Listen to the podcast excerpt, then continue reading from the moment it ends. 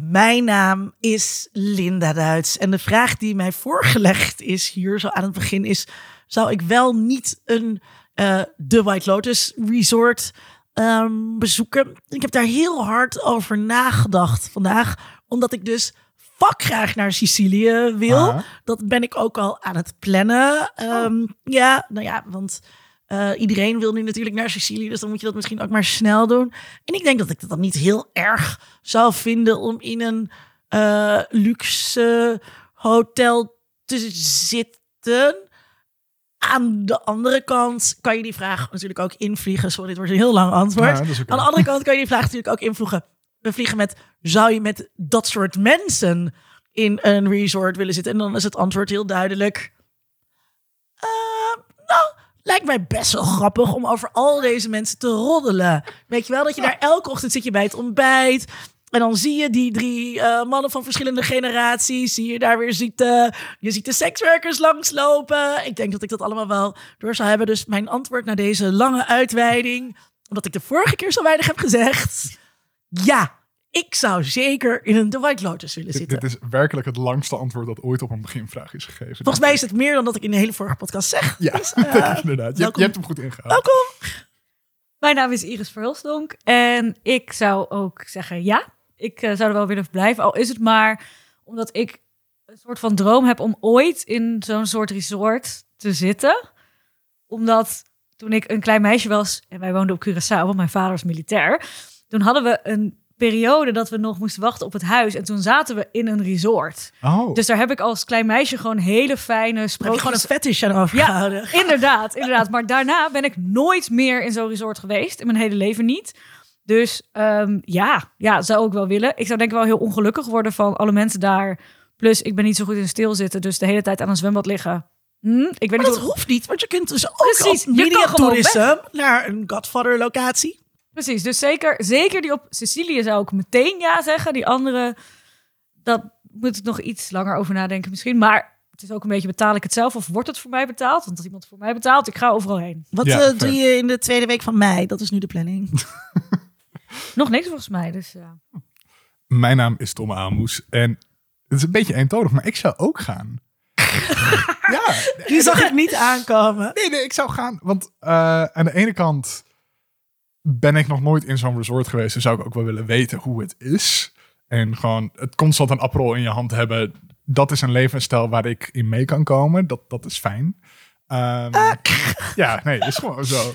Uh, en ik zou het heel grappig vinden om alle drama om me heen te zien gebeuren. Dus dat je precies wat jij zegt, dat je dan inderdaad ziet van... Oh, ik zag die jongen gisteren met die sekswerkers praten, maar nu is zijn vriendin er weer. Oh. Ja, en waren zij niet vorige week met papa? Interessant. Ja, dat zou ik heel leuk vinden. Oké, nou ja, dat wordt dus gezellig. De tweede week van mei uh, gaan we naar Sicilië all-inclusive.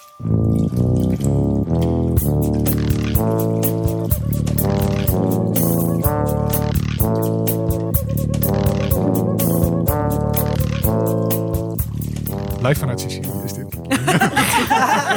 Was het maar zo. Nee, we zitten gewoon in een woonkamer in Amsterdam. Ook all-inclusive. In een all-inclusive all woonkamer. Uh, u hoorde al, Iris Verhulstonk is weer bij onze gast. Hallo. Ze is de producer van NRC's Haagse Zaken. En uh, mijn collega bij de eerste podcast waar we allebei aan werkten. Onder hey, mediatoren. De andere podcast. Ja, hij kan afgevinkt worden. Leuk dat je er weer bent. Dank je. En ik maak ook NRC vandaag. Dus oh ja, tuurlijk. Uh, audioredacteur bij NRC. Yes, yes. Um, wil jij beginnen met. Moeten we, misschien moeten we ook nog even zeggen. We zijn dus maar met z'n drieën. Ja. Wat en jammer is. Dat is niet omdat er niemand met ons mee wilde praten over White Lotus. Maar echt iedereen is ziek. Ja, we hebben het echt geprobeerd. Ja. Maar ja, het ging gewoon niet. Uh, we zijn ook allemaal net beter. Ja, ja dat, is, dat, is, dat is ook weer waar. Dus uh, beterschap aan iedereen die dit uh, luistert. En als je het luistert dat je denkt van, hè, hoezo? maar ja, dat, dat is dus daarom. Er is een griepgolf door Nederland aan het gaan. En ook wij lijden daaronder. Ja, daarom zijn we ook een beetje laat. Ja. Trouwens. Inderdaad. Uh, maar dat geeft ons wel veel kans natuurlijk om de laatste tijd dingen gekeken te hebben. Zie ik op de bank. Dus Iris, wat heb jij gekeken? Um, ik heb uh, naar Looking gekeken. Dat is een wat oudere serie. Uh, op HBO kan je dat kijken. En dat gaat over drie vrienden in San Francisco. Ehm, drie homomannen. En ja, dan gaat het over het leven daar. En eigenlijk hoe alle ja, relaties zich ontwikkelen. En uh, ja, dat is, dat is eigenlijk een beetje de serie. Gewoon de relaties van hen drie eh, als vrienden met elkaar, met hun omgeving. Er komen mensen in beeld, die gaan weer weg. Er zijn affaires, er zijn ruzies over drugsgebruik. En dan weer eh, eh, een van de enige scènes die ik ooit heb gezien... waar ik dacht, kijk, zo ziet een raver misschien wel uit. Oh. Dus dat vond ik eh, heel erg leuk om te zien. Ehm, ik ben dus zelf in de zomer ook in San Francisco geweest. Not so humble brag. Dus eh, ik kon van een paar plekken zeggen... hey, daar ben ik ook geweest. Oh, dat was extra leuk. Ehm, het is wel een ou- wat oudere serie, 2014. En er is één groot nadeel. En dat is, er zijn twee seizoenen. En daarna was het nog niet afgelopen, maar is het wel gecanceld. Oh. Ehm, en wat ze toen hebben gedaan om de ja, eh, losse eindjes ehm, aan elkaar te knopen... is een film maken...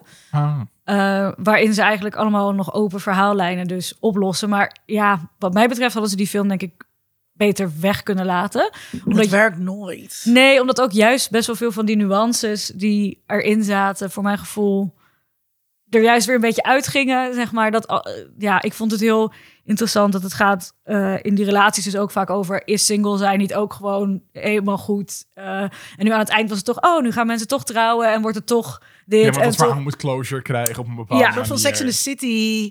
eh, bij Sex in the City was een van de eh, weinige goede dingen aan die kutserie. Was dat, eh, dat het een soort van vriendschap boven de man was. Terwijl dan het einde van de serie is dat ze dan toch, spoiler, eh, met Big gaat.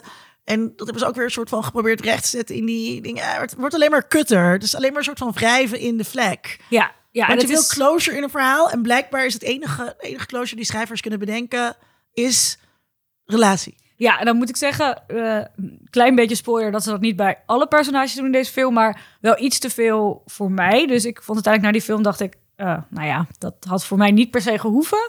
Ehm, maar wat wel leuk is, is dat er zijn wat acteurs die daarna hele grote dingen zijn gaan doen. Bijvoorbeeld. Bijvoorbeeld, eh, we hadden die naam net opgezocht. Jonathan Groff. Ja, die Ja. Hamilton. eh, Hij speelt in Hamilton eh, de Britse koning, wat echt een fantastische rol is. En hij speelt in Mindhunter de hoofdrol. Eh, wat een hele goede crime serie is. En, dit is een leuk bruggetje naar waar we het straks over gaan hebben. De hotelmanager Oh, ja. van seizoen 1 speelt ook een van de hoofdrollen. Een man met een goede borstels. Ja, precies. Ja. En die heeft hij ook in deze serie, Oh. heeft hij de borstelsnor.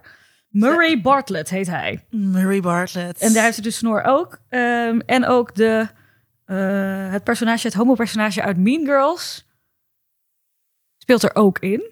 In, in Linda slikt, eh, Linda slikt een eh vetshaming eh, in die we voor deze uitzending hadden gedaan. Hij heet eh, Daniel Franzese. En het zou kunnen dat ik dat helemaal verkeerd uitspreek. Mijn Dat mag excuses helemaal. in dat geval. Ja, dat kan, kan gewoon. In dat geval gaan mensen alsnog eerder boos worden op mij dan op jou nu. Nou, misschien omdat ik zei, die ene homoman uit Mean Girls en zijn naam niet wist. Het spijt me. Ah.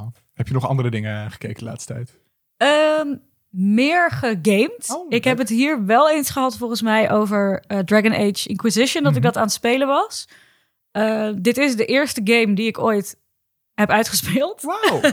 Want ik, dat is geen, geen makkelijke game om Nee, ik heb hem wel op easy gespeeld. Ik geef, ik geef het eerlijk toe. Ehm, nee, ik, ben er, ik heb er volgens mij meer dan 80 uur in zitten. Want ik wilde ook alle sidequests doen. Dus echt uitgespeeld, uitgespeeld. ja, het was zelfs helemaal aan het eind. Toen wist ik dat het het einde ging worden. En dat heb ik uitgesteld, omdat ik nog niet helemaal klaar was met afscheid Ja. nemen. Toen ging ik allemaal sidequests doen die ik eigenlijk al lang had moeten doen. Maar dat werd toen wel een klein beetje saai, omdat je dan eigenlijk dus al een veel te hoog eh, level hebt om dat te doen. Ja. En de verhaallijn is eigenlijk al duidelijk. Dus dan zijn er opeens plot twists waarvan je denkt, ja, dat wist ik Ja, dus al. Eh, maar die heb ik nu dus uitgespeeld. En Wat, wat voor game is het?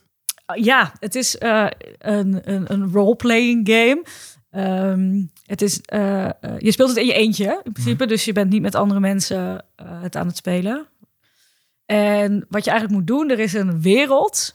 En daarin zijn allemaal burgeroorlogen. Er zijn ja, oorlogen tussen de tempeliers en de eh, mages. En eigenlijk kom jij daar op een gekke manier terecht. Doordat er een, ja, er is een gigantische scheur in de hemel. Zoals wel eens gebeurt. Zoals Ja. wel eens gebeurt. En daar komen ook allemaal demonen uit en zo. En om de een of andere reden heb jij een soort power in je arm, waardoor jij die eh, scheuren kan dichten en demonen kan aanvallen. Jij bent eigenlijk de enige die dat kan. Mhm. En zo begint de game. Ehm, maar in eerste instantie denken mensen dat jij iets te maken hebt ermee. En dat jij eigenlijk de slechterik bent. Dus eerst moet je mensen ervan overtuigen dat het wel meevalt. En daarna ga jij een inquisitie oprichten. Vandaar Dragon Age Inquisition. Aha. Ehm, en Maar dat is niet een inquisitie die mensen verbrandt, maar meer die demonen verbrandt. nou, ehm, je kan dus heel veel keuzes maken in wat voor soort eh, wereld jij wil maken. En ook welke keuzes je daarin maakt. Dus je kan eigenlijk ook een leider worden die zijn, eh, ja, zijn vijanden wel meteen doodt. Of je kan zeggen, nee, ik wil je via eh, een normale manier berechten. Weet je wel? Dus je, kunt, je krijgt de hele tijd eigenlijk morele afwegingen. En dat heeft ook weer invloed op hoe je dan verschillende dingen aanpakt in die wereld. Ehm, dus het is een heel complex spel. Het is heel groot ook. En je kan, eh, je kan het dus ook op heel verschillende manieren spelen. Heel veel verschillende soorten personages kan je spelen. Wat ook weer allemaal uit- verschillende uitkomsten heeft. Dus het einde wat ik nu heb gespeeld, de uitkomst, het kan eh, heel veel verschillende kanten op. Dus als je het speelt, kan je ook iets heel anders krijgen. Ja. Was superleuk. Cool. Linda? Eh, ja, ik heb dus heel veel dingen gekeken, want het was, eh, was eh, kerstvakantie eindelijk voor een keertje. Heb ik veel, dus ik moet even kijken waar ik, ehm, wat ik, eh, wat ik eh, ga tippen. Misschien mag ik er maar drie, omdat we vandaag toch maar met z'n drieën zijn. Oké. Ik heb eindelijk gekeken naar The Sex Lives eh, of College Girls. Ehm, iets wat al eerder door Natasha Faye eh, was getipt en ook al Ja. een tijdje op mijn eh, lijstje stond. Al wat oudere serie op ehm, HBO Max. En het is eigenlijk totaal niet wat je ervan verwacht. Dus als je hoort The Sex Life of College Girls, het is een beetje een soort van, weet je wel, geil eh, meekijken met een hele spannende verhaal. Nou, dat ehm, is het niet, denk ik. Het is juist heel intersectioneel. Eh, het gaat heel erg over. eh, ja, het is dus veel meer eigenlijk een soort van feministisch dan. Als je die titel hoort, Sex Life of College, dat is een soort voyeurisme, weet je wel. We kijken mee met een geil meisje Ja, dat in college zit of zo. Dat is dus niet. Het is dus intersectioneel, feministisch, heel erg vanuit het perspectief van deze eh, jonge vrouwen die allemaal heel veel agency ehm, hebben. Het is dus intersectioneel en sexy. Ik vond het heel grappig en zelfbewust. En dan zeg maar woke op de leuke manier van. niet belerend of zo. Nee, helemaal niet. Gewoon, ja, geinig en Ja. echt leuk om te kijken. Er zijn twee seizoenen dus eh, op HBO. Ik heb ook gekeken naar ehm The Rehearsal. Ook op ehm, HBO. Ik weet niet of een van jullie dat al heeft gezien. Nee? Niet gezien, maar ik hoor er heel veel mensen over. Volgens mij, eh, ik had hem uit eh Sonny Kemkes, die hier vaak de gast is, had een, eh, had een oudejaarslijstje van de beste series van het afgelopen jaar. Daar stond hij in. Ik weet niet of Sonny hem ook wel eens in deze podcast heeft getipt. Maar niet. Misschien wel. What the fuck ben ik aan het kijken? Dus ehm, het lijkt te beginnen als een reality show. Of het begint als een reality show. Waarbij eh, de maker ze eigenlijk zegt. Dus daar gaat de eerste aflevering over. Van als jij eh, een moeilijke situatie in je toekomst hebt. Dus je wil bijvoorbeeld eh, iets opbiechten aan je quizteam dan is het misschien makkelijker als je die situatie de hele tijd oefent. Dus wij gaan voor jou, bouwen we de kroeg na waarin je dat gesprek wil hebben. We hebben een actrice ingehuurd die eh, alles van jouw gesprekspartner heeft eh, eh, geoefend. We hebben de barman, we hebben zelfs pizza's laten we komen. Dus het begint als een soort van reality show. Nou als een reality show waarin mensen op die manier geholpen worden. En dan op een gegeven moment wordt het, nou ja, ik kan niet anders zeggen, een soort keta-trip over hoe je de realiteit kunt kneden. Ik kan het niet anders uitleggen. Het is zo raar en anders. Het is gewoon echt niet te beschrijven. Het is genre eh, overstijgend. Echt heel maf. Maar, Maakt het leuk, goed? Ja. Ja, ja, ja, Ja, ja. oké, ja, ja, ja. ik, vond het, ik vond het heel leuk maf. Ehm, ja, ke- ketamine. ke- Je, je zit echt te denken, wat, ge- wat gebeurt hier? Wat, ja, echt, ja, wat de fuck, waar kijk ik naar? ja, nu zien jullie mij al een beetje een soort glazen, glazen Ja, Nee, een beetje- ik gewoon... Ik ben aan het zoeken waar het kijken. Ja, omdat je ook zegt dat het overstijgt een beetje genre en zo. Dus ik weet helemaal niet wat ik er nu mee kan verwachten. Met dit, met dit begin Ja. wat ik heb geschetst, met dit Ja. reality verhaal. Ja, dus ik hoop dat jullie het gaan kijken. Ja, en want ik ben dan, wel benieuwd nu. Ja. En dus ook weer dan terug rapporteren wat jullie ervan vonden. Maar is het een beetje à la Dirk Gently-achtige absurditeit? Nee. Want Of- Dirk Gently is niet een reality televisieprogramma. Nee, Maar, maar, dit, maar dit maar is ook geen reality televisieprogramma. Dit toch? doet alsof. Oké, we moeten het misschien gewoon gaan kijken. Oké, Linda kijkt heel mysterieus. Uh, you tell me nadat je het gezien hebt. Oké. Uh, en dan wou ik nog een korte mention doen voor uh, Modern Love Amsterdam. Uh, Modern Love is een serie op Prime, uh, die ik al eens eerder heb ge uh, getipt in deze podcast. Waarin het gaat, het is naar aanleiding van een rubriek in de New York Times. Nou ja, waarin zeg maar een soort van hedendaagse relaties, liefde wordt beschreven van wat voor vormen er allemaal zijn. Daar is een serie van gemaakt, die heet dus Modern Love. En dat zijn ze nu lekker aan het uitbuiten bij Prime door daar allemaal lokale versies van te maken. Moderne liefde bestaat overal ter wereld, Linda. Bestaat overal ter wereld en dus ook in Amsterdam. En um, nou ja, het is gewoon hele, hele lekkere Amsterdam porno. En eh, wat ik altijd heel grappig vind, ik weet niet of jullie dat ook doen, als Amsterdam, als je dat Amsterdam ziet in een film of in, in een serie, ga je eens kijken, oké, ze zijn op de Roosgracht, hè? Ehm, maar ze zijn nu, eh, weet je wel, eh, bij Nemo. Ja, dat kan ik, helemaal niet. Met, Anne Plus? Ehm, God, Sense 8. Sensate, inderdaad. Dan ja. ze op een gegeven moment ergens, volgens mij, uit de universiteitsbibliotheek bij de, bij de, naar bij de, buiten. Bij, de, bij het binnengasthuis, ja. en dan staan ze opeens totaal ergens anders. Ja. Eh, of bij Ares, ook een Netflix-serie, eh, dat ze dan... Het interieur werd dan bij eh, het Troopmuseum geschoten, maar als ze naar buiten stapten, stonden ze op de single. Bij het jaar van Fortuin, toen moesten ze door Amersfoort rijden en toen reden ze twee keer ongeveer bij mij voor de deur langs. Oh. Dus toen zat ik op de bank, dat is hier. Dat is niet Wat Amersfoort. Amsterdam? Ja, bij mij in Amsterdam, ja. oh grappig. Ja, ja, want dat is lekker goedkoop. Ja. Nou, dat, dat, heb je, dat heb je dus hier, dat heb je hier ook. Ehm, maar, eh, dus ja, ja, ja, ik weet niet hoe het zit met luisteraars die buiten Amsterdam wonen. Nou, die willen natuurlijk alleen maar heel graag hier wonen. Dus het is voor iedereen in Nederland natuurlijk prettig. Al die Amsterdam porno. Dit was een grapje. Ehm, maar dan ook mooie verhalen eh, over diversiteit. Waaronder eentje van Maud Wiemeijer, die ook eh, Anne Plus heeft gemaakt. En ehm, ja, heel, gewoon heel eh, prettig en fijn om naar te kijken. Mooi. Leuk. ook Amsterdam porno, Anne Plus. Ja. Anne Plus is ook heel erg, maar dit is nog veel erger Amsterdam porno. Omdat dit is wel ook een soort van, ze maken, het, dit lijkt heel erg gemaakt voor een buitenlands Ah, publiek. ja. Met een buitenlands publiek in, in, in, in, in gedachten dus ook.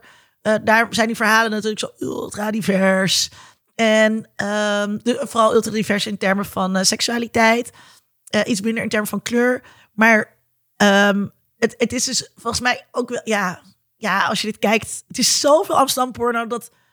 Kijk je, zoals Emily in Paris is niet gemaakt voor, eh voor, Parijs, Parijs, voor nee. Parijzenaren, maar voor ons. Hmm. Ehm, zo voelt dit ook een beetje. Ja. Modern Love Amsterdam is gemaakt voor Parijzenaren, zodat zij dan ook Modern Love in Amsterdam willen beleven. Oh, lief. Ehm, zelf was ik naar eh, Avatar The Way of Water.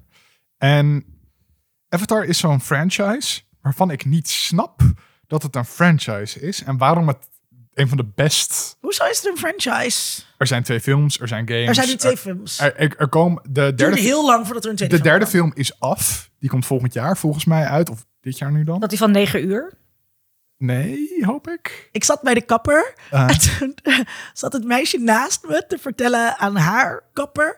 Ja, eh, dus eh, nam hij me mee naar Avatar 2. Dat is een film die 385 uur duurt. is wel. De film duurt drie en een half uur. En dat is werkelijk nergens voor nodig. Ehm, ik, ik wil eerst even mijn frustratie eruit en dan kom ik bij het goede hoor. Want deze hele wereld is niet een fantasiewereld waar iemand die ook maar iets met sci-fi of fantasy heeft, ook maar een seconde zich in wil verdiepen. Want de diepgang is er niet. Het plot is mager als het maar komt. Ik bedoel, deel 1 was gewoon Pocahontas, maar dan nog een keer. Ehm, maar... Het was echt heel vet. Wat? Het was zo vet. het is... ehm, Wat? net als Avatar 1 is het technisch een meesterwerk. Het, ik heb... Elk shot... Kijk nu naar Iris en haar hele jullie kijken elkaar heel sceptisch 16 shades of cringe. elk shot zat ik alleen maar te denken: hoe? Hoe kan dit gefilmd worden? Hoe is dit gemaakt in een computer en ziet het eruit zoals het eruit ziet? Het klopt gewoon allemaal niet dat het allemaal CG is. En ehm, dat maakt hem heel indrukwekkend. Ondertussen, James Cameron weet hoe hij een actiefilm moet maken. Dus daarmee is het draaglijk om te kijken qua plot en pacing en dat soort dingen. Dus die drie, die half uur vliegen voorbij, want het is alleen maar actie.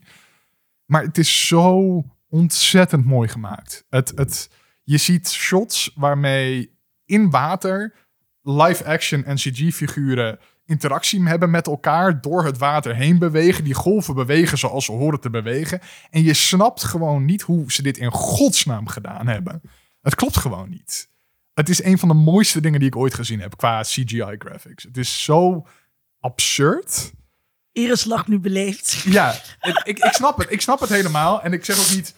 Deze film moet je kijken voor het plot of omdat Avatar nou zo fantastisch is. Want het is echt geen fantastische film. Maar het is gewoon puur als jij van dat, van dat technische deel van films houdt. Het vet vindt om dat soort dingen op het grote doek te zien. Ga hierheen in de bioscoop naar het grootst mogelijke scherm dat je in je buurt hebt. En ga dit kijken, want het is zo ontzettend vet om te zien. Het is zo knap gedaan allemaal. Uh, Waar heb jij hem gezien? Uh, IMAX uh, Pathé Arena. Dus dat is volgens mij het grootste IMAX-scherm in Nederland. En ja, dat werkt. Heel vet. Wat een goede beleefde vraag. Ja. Nee, nou, ik was, ik was gewoon. Heb jij hem gezien? Nee, nee, ik was wel benieuwd dat als je dan dat gaat zien, op welk scherm je het dan hebt gekeken. Daar was ik benieuwd naar. Ja, dus ga niet naar je lokale filmhuis of zo. Nee, precies. Nee. Dat leek me wel, want 3,5 uur in een lokaal filmhuis op een krukje, terwijl Nee, je hier naar kijkt, lijkt me misschien Nee. niet zo. eh. Moet, dat moet je niet doen. En ook thuis, kijk het niet thuis. Gewoon doe niet de moeite thuis. Dat is gewoon niet waard. Dat is gewoon niet leuk.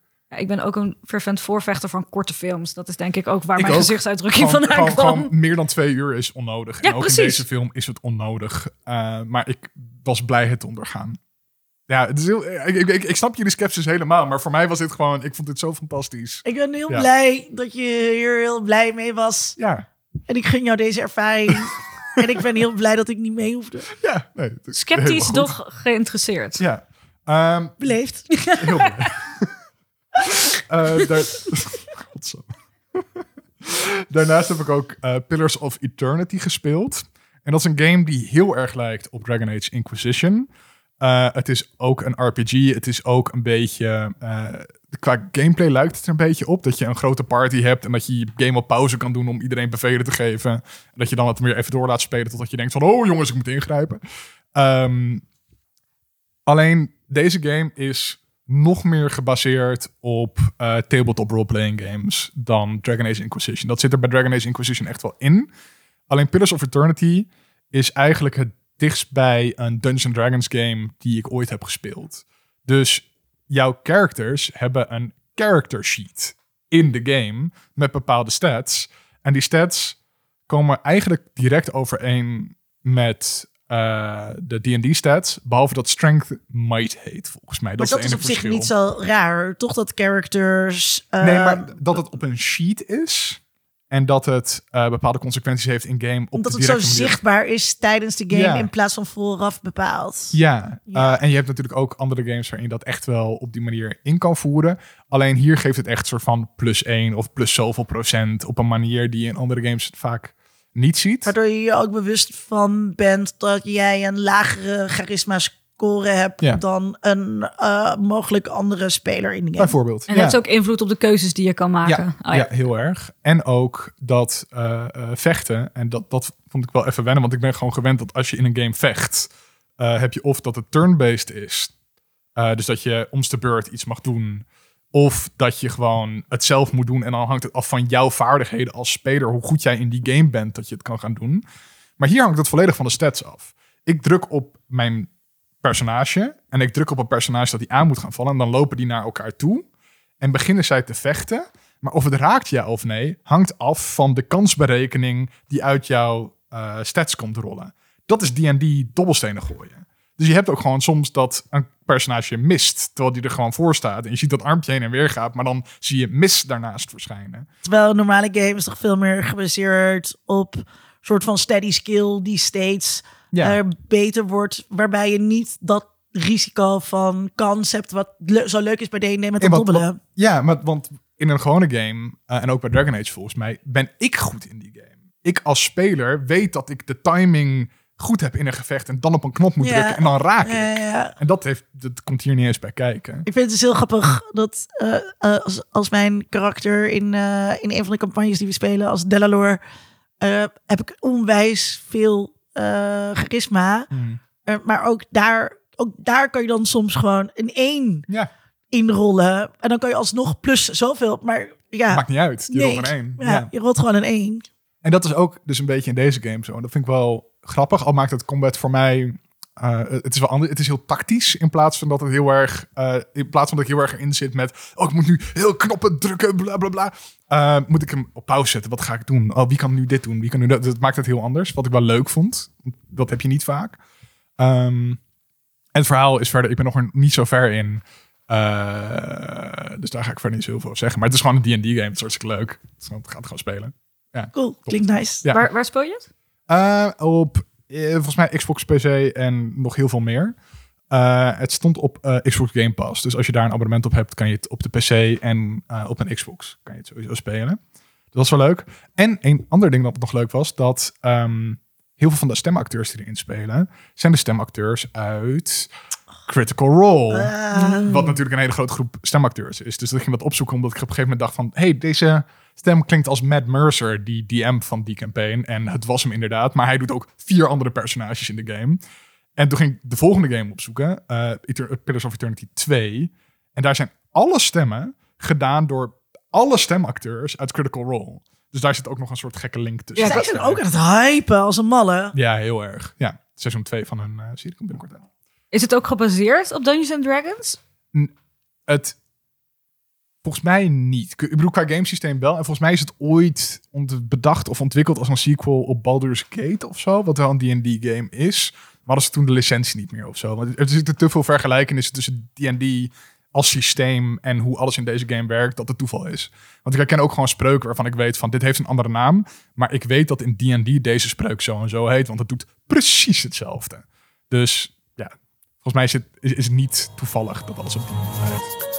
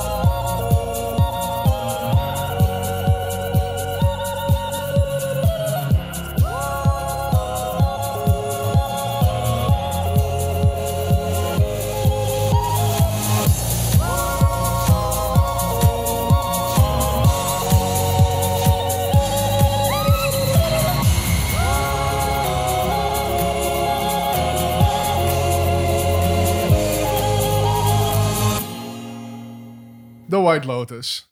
Eindelijk. Eindelijk. Eh, we- Eindelijk we- we kunnen we er een keertje over praten. Ja, eindelijk. We, hebben- we hebben er het een keertje eerder ook al over gehad. Want seizoen 1 hebben we dat besproken met Emma Curvers. Dus die kan je terugluisteren. Zet hem in de show notes. Seizoen 2 is al wel een tijdje afgelopen. Ja, dat is ook wel een maandje nu. En seizoen Ja. 2 is mega hype. Seizoen 1 was Mega. nul hype. Nee. Nul hype. Ik hoorde toen eigenlijk helemaal niemand over. Nee, het was alleen maar een soort van tv-critici die zeiden... Oh, echt een van de beste series op dit moment. Eh, en, Precies. En Het was echt heel erg een soort van off the radar. En nu is het hyper hype, hype, hype. hype. Ik hype. ben er bijna overheen, dus het is het laatste Oeh, moment Het is gewoon het laat, Hierna laatste is het voorbij. dat dat ik erover kon praten, Ja. kan praten. Oké. eh, Iris, was jij ook hype voor dit seizoen? Nou, ik had dus... Ik ben een van die mensen die wat later op de trein is gesprongen. Want ik had het... Jij eh, bent het probleem. Ik. I'm the problem, Nee, it's helemaal me. van de White Lotus toen nog niemand ervan gehoord had. Zoals Taylor Swift zou zeggen, I'm the problem, it's me. Mhm.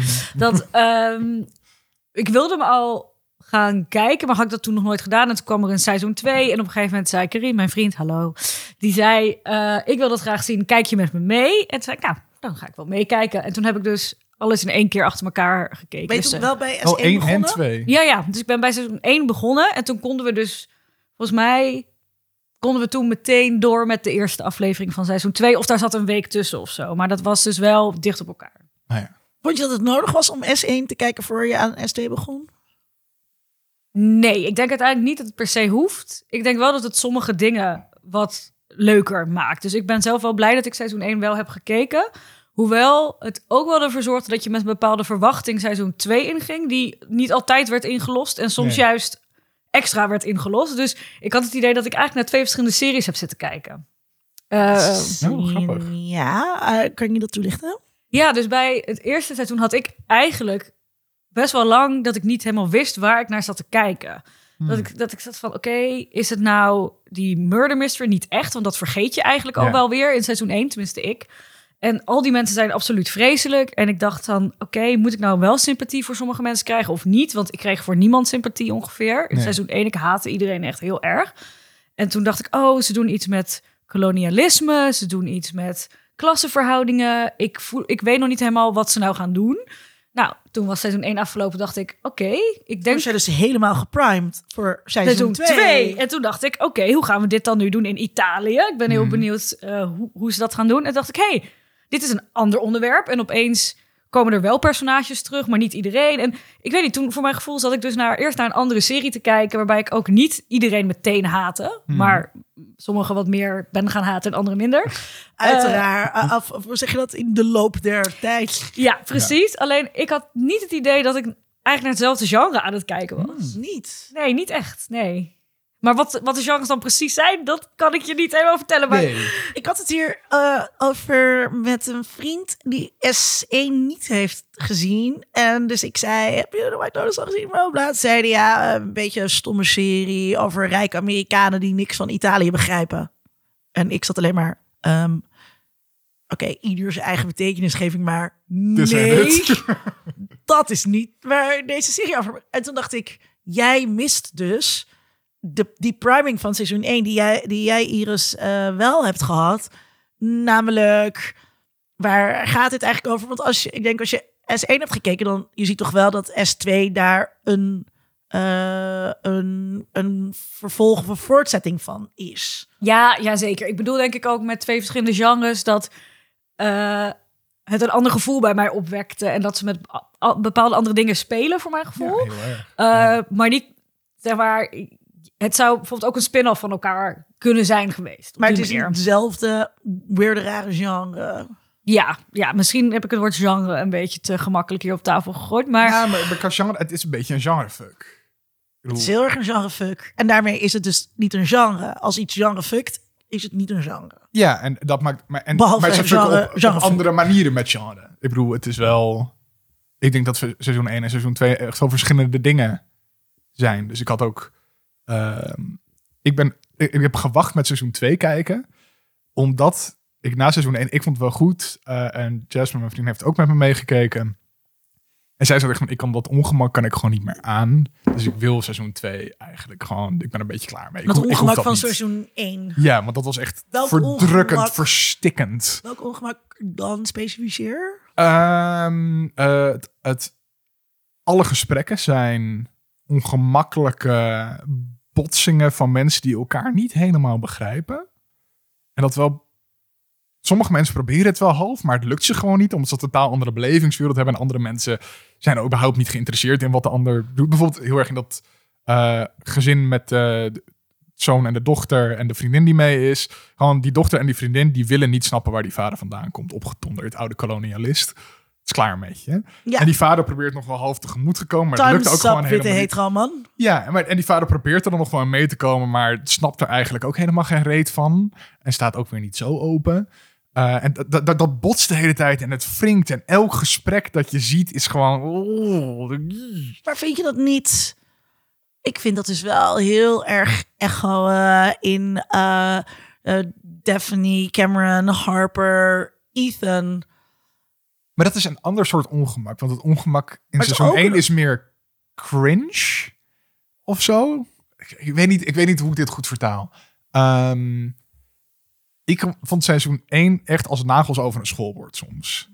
Echt ongemakkelijk om naar te kijken. Echt dat ik soms... Oh, ik wil niet doorkijken. Dit, is- dat had je niet in se- in seizoen En dat had 2. ik niet in seizoen 2. Op geen Ah. enkel moment. Oh, ik, ik had, Bij seizoen 1, eh, bij seizoen 2 had ik veel meer dat de ongemakkelijke momenten waren de momenten dat ik zo van meer rechtop ging zitten op de bank van, oh, nou gebeurt er iets interessants. Ik en in dus- seizoen 1 had ik dat filmpje dat ik alleen maar zo... Oh, nee. Ik vond dat ongemak en dat onbegrip en die desinteresse in elkaar ook wel echt heel erg in. eh, Ja, het zit In er ook wel in, maar het kwam bij mij echt anders twee. binnen. ja. Het kwam bij mij wel anders binnen. Ik moet wel zeggen, ik heb wel af en toe heb ik echt gegild bij seizoen 2. Ik kan het niet meer aan. En ik wil deze even aan jullie voorleggen, omdat. Karim tegen mij zei... Volgens mij ben jij de enige die dit zo erg vindt. En ik kon dus niet tegen die scènes dat Mia dan een liedje gaat spelen op die piano. Oh, dat vond ik zo kut. Dan, ik heb echt, ik zei echt, ik zat gewoon, ik kan dit niet. Kan, oh, kunnen we dit niet? When the moon hits the sky. En dan ga ik ook niet. Nee, dan ga ik hem uitrekken. That's amore. Ik vond, ik heb, nou, dat, elke keer dat gebeurde, zat ik nou, eh, dat kan de luisteraar niet zien, maar ik zit letterlijk met mijn handen voor mijn gezicht. Zo heb ik dus ook bij die scène zitten kijken, echt bijna gesmeekt. Maar dat is toch op eenzelfde manier cringe als de Hawaiiaans, de Hawaiiaanse staf die een soort uh, fakkel-oerdans gaat doen voor de gasten. Oh, nee, nee, dat vind ik niet. Nee, totaal niet. Vind ik echt niet, een soort, nee, omdat daarbij heb ik juist veel meer van dat koloniale en dan moet je dat gaan doen eigenlijk voor de onderdrukker, terwijl nog steeds eh, jij in een positie bent dat je afhankelijk bent van hem. Maar dit, maar dit is ook een Ja, maar ik vond haar zelf vreselijk. Bij Ja, die... Ja, maar het is ook een kunstje dat zij... bedoel, ze spelen in een fucking hotelbar. Ook dat zij, weet je, bereid is om haar weg naar boven te neuken... om te kunnen spelen in een fucking hotelbar. En eh, zij doen... Zij, zij, zij zijn niet de koloniale onderdrukker... ehm, maar eh, eh, ze zijn desalniettemin ehm, eh, een, toch wel een soort van minority group. Sicilië is een ontzettend arm eiland in een land wat ook al niet heel lekker meedoet in de eh, EU, wat alleen maar drijft op toerisme. Zij moeten net zozeer als aapjes dansen voor eh, hun rijke gasten, als dat die Hawaiiaanse jongens moeten dansen. Ehm, maar dan zit er niet die koloniale eh, twist aan. Ja, maar ik denk dus dat mijn ongemak ermee bij, zeg maar, van mij persoonlijk is anders. Bij de ene heb je het ongemak van, oh, deze mensen moeten dat doen. En dan ga je bij jezelf op denken, oh, heb ik ook wel eens op vakantie, heb ik dan wel eens naar iets zitten kijken wat op die manier dan werkt. Het andere vond ik gewoon absoluut verschrikkelijk dat je überhaupt die muziek op de achtergrond hebt en dat zij dat Maar dan dat daar is zo wat die met die Amerikanen willen. Daarom geniet, daarom smult Bird, leukste personage. daarom smult Bird hier ook zo van. Dat is de opa. Ja. Dat, dat is wat de mensen... Ja, het, het is Willen, een soort, soort, is soort van, van mega- Mexicaanse, Italiaanse cultuur die, die Ja. herkenbaar is voor hem. Ja, die herkenbaar is voor hem. Die, die, die liedjes. En nogmaals, hè, het is een hotelbar. waar dus altijd iemand zich zit aan te stellen met, eh, met muziek. Dat er? Nee, ik zat na te denken, want ik, ik, bedoel, ik bedoel meer van, ook wat Tom zegt, een ander soort ongemak kwam bij mij op. Ook zeg maar het Maar jij vond haar dan als actrice irritant? Of, of... Oh, dat ook. Ja, Ja. Ik, ik vond het personage irritant. Ik vond de actrice het wat dat betreft goed doen. Want ik had ook wel het idee dat Ja, het maar- want expres ik was. kader, ik kader het dus heel erg in. Dit is wat het personeel moet doen in Italië als kunstje. Ik had, nee, ik voelde dat bij, bij hen wat minder. Omdat ik ook het idee had dat bij haar als personage het zo was... De gespeelde onschuld in het begin van... oh nee, ik ben geen sekswerker, ik ga dat niet doen. En dan opeens, oh jawel, toch wel. En dan eh, eh, dat, dat, dat kunstje qua dat zingen. Ik had, niet, ik had het idee dat zij haar seks inzetten... om dat in die stomme hotelbar te mogen gaan doen. Omdat ze dat zingen heel graag wilde. Maar ik vond dat zingen zelf... Ja, Maar ik dacht, dat zij altijd zo zingt... en dat dat niet een manier van zingen is voor de Amerikaanse gasten. Ja, natuurlijk wel. Alleen ik had ook het idee dat ze dat ook. Eh, hoe zeg, ja, ik weet niet. Ik had er toch een ander idee bij dat dat ook wel echt iets wat ze wilde op dat moment. ja en, en dat ook, voor mij was het gewoon heel erg dat, dat overdreven gezang dat dan neergezet wordt alsof het heel goed is. Ja, Terwijl ik het gewoon kut vind. Eh, dat, dat, voor mij, dat was voor mij de cringe. Dat is gewoon, dat de serie deed van, oh, en ze zingt heel mooi. En van, eh, oh, Dat is serie, ja, ik vond dat dus heel leuk. oh. Hoe ze dan dus doen alsof zij dan echt daar sterren van de... Terwijl het gewoon mega kut en uitgerekt en naar is. En nogmaals, ja, dus gewoon... Ja, in een, in, maar ik vond, ja, ik vond dat dus heel leuk uitvergroot of zo, of Ja. aangezet. Eh, dat Maar- snap ik ook wel. maar jij ziet het dus wel als, als een opzet, opzet, opzettelijk ding. Ja, en ook dus dat seizoen 2 in die zin niet zoveel verschilt van seizoen. Nee, ik, Nee. vond, ik vind dus dat er eh, heel veel parallellen zijn tussen eh, 1 en 2. Ja. oké. Waarom, we hebben het over het ongemak ervan en, en het een beetje de cringe van de serie. Wat maakt het zo leuk om daarnaar te blijven kijken? Want ik zei ook al, seizoen 1 is als nagels over een schoolbord, maar ik heb het toch vol fascinatie gekeken. Wat maakt dat we naar deze verschrikkelijke mensen willen kijken, die verschrikkelijke dingen doen in verschrikkelijke omstandigheden? Ik denk dus, ehm, eh, zeg ik als, eh, als, ehm, als ehm, televisiewetenschapper, wij zijn gewoon heel erg geïnteresseerd in menselijke relaties en in de emoties die die relaties voortbrengen. Daarom zijn we ook zo eh, nog steeds na zoveel jaar eh, nog helemaal niet klaar met reality televisie. En eh, dit, dit gaat gewoon over menselijke relaties en hoe irritanter of meer cringe of whatever de personages zijn. We kijken naar.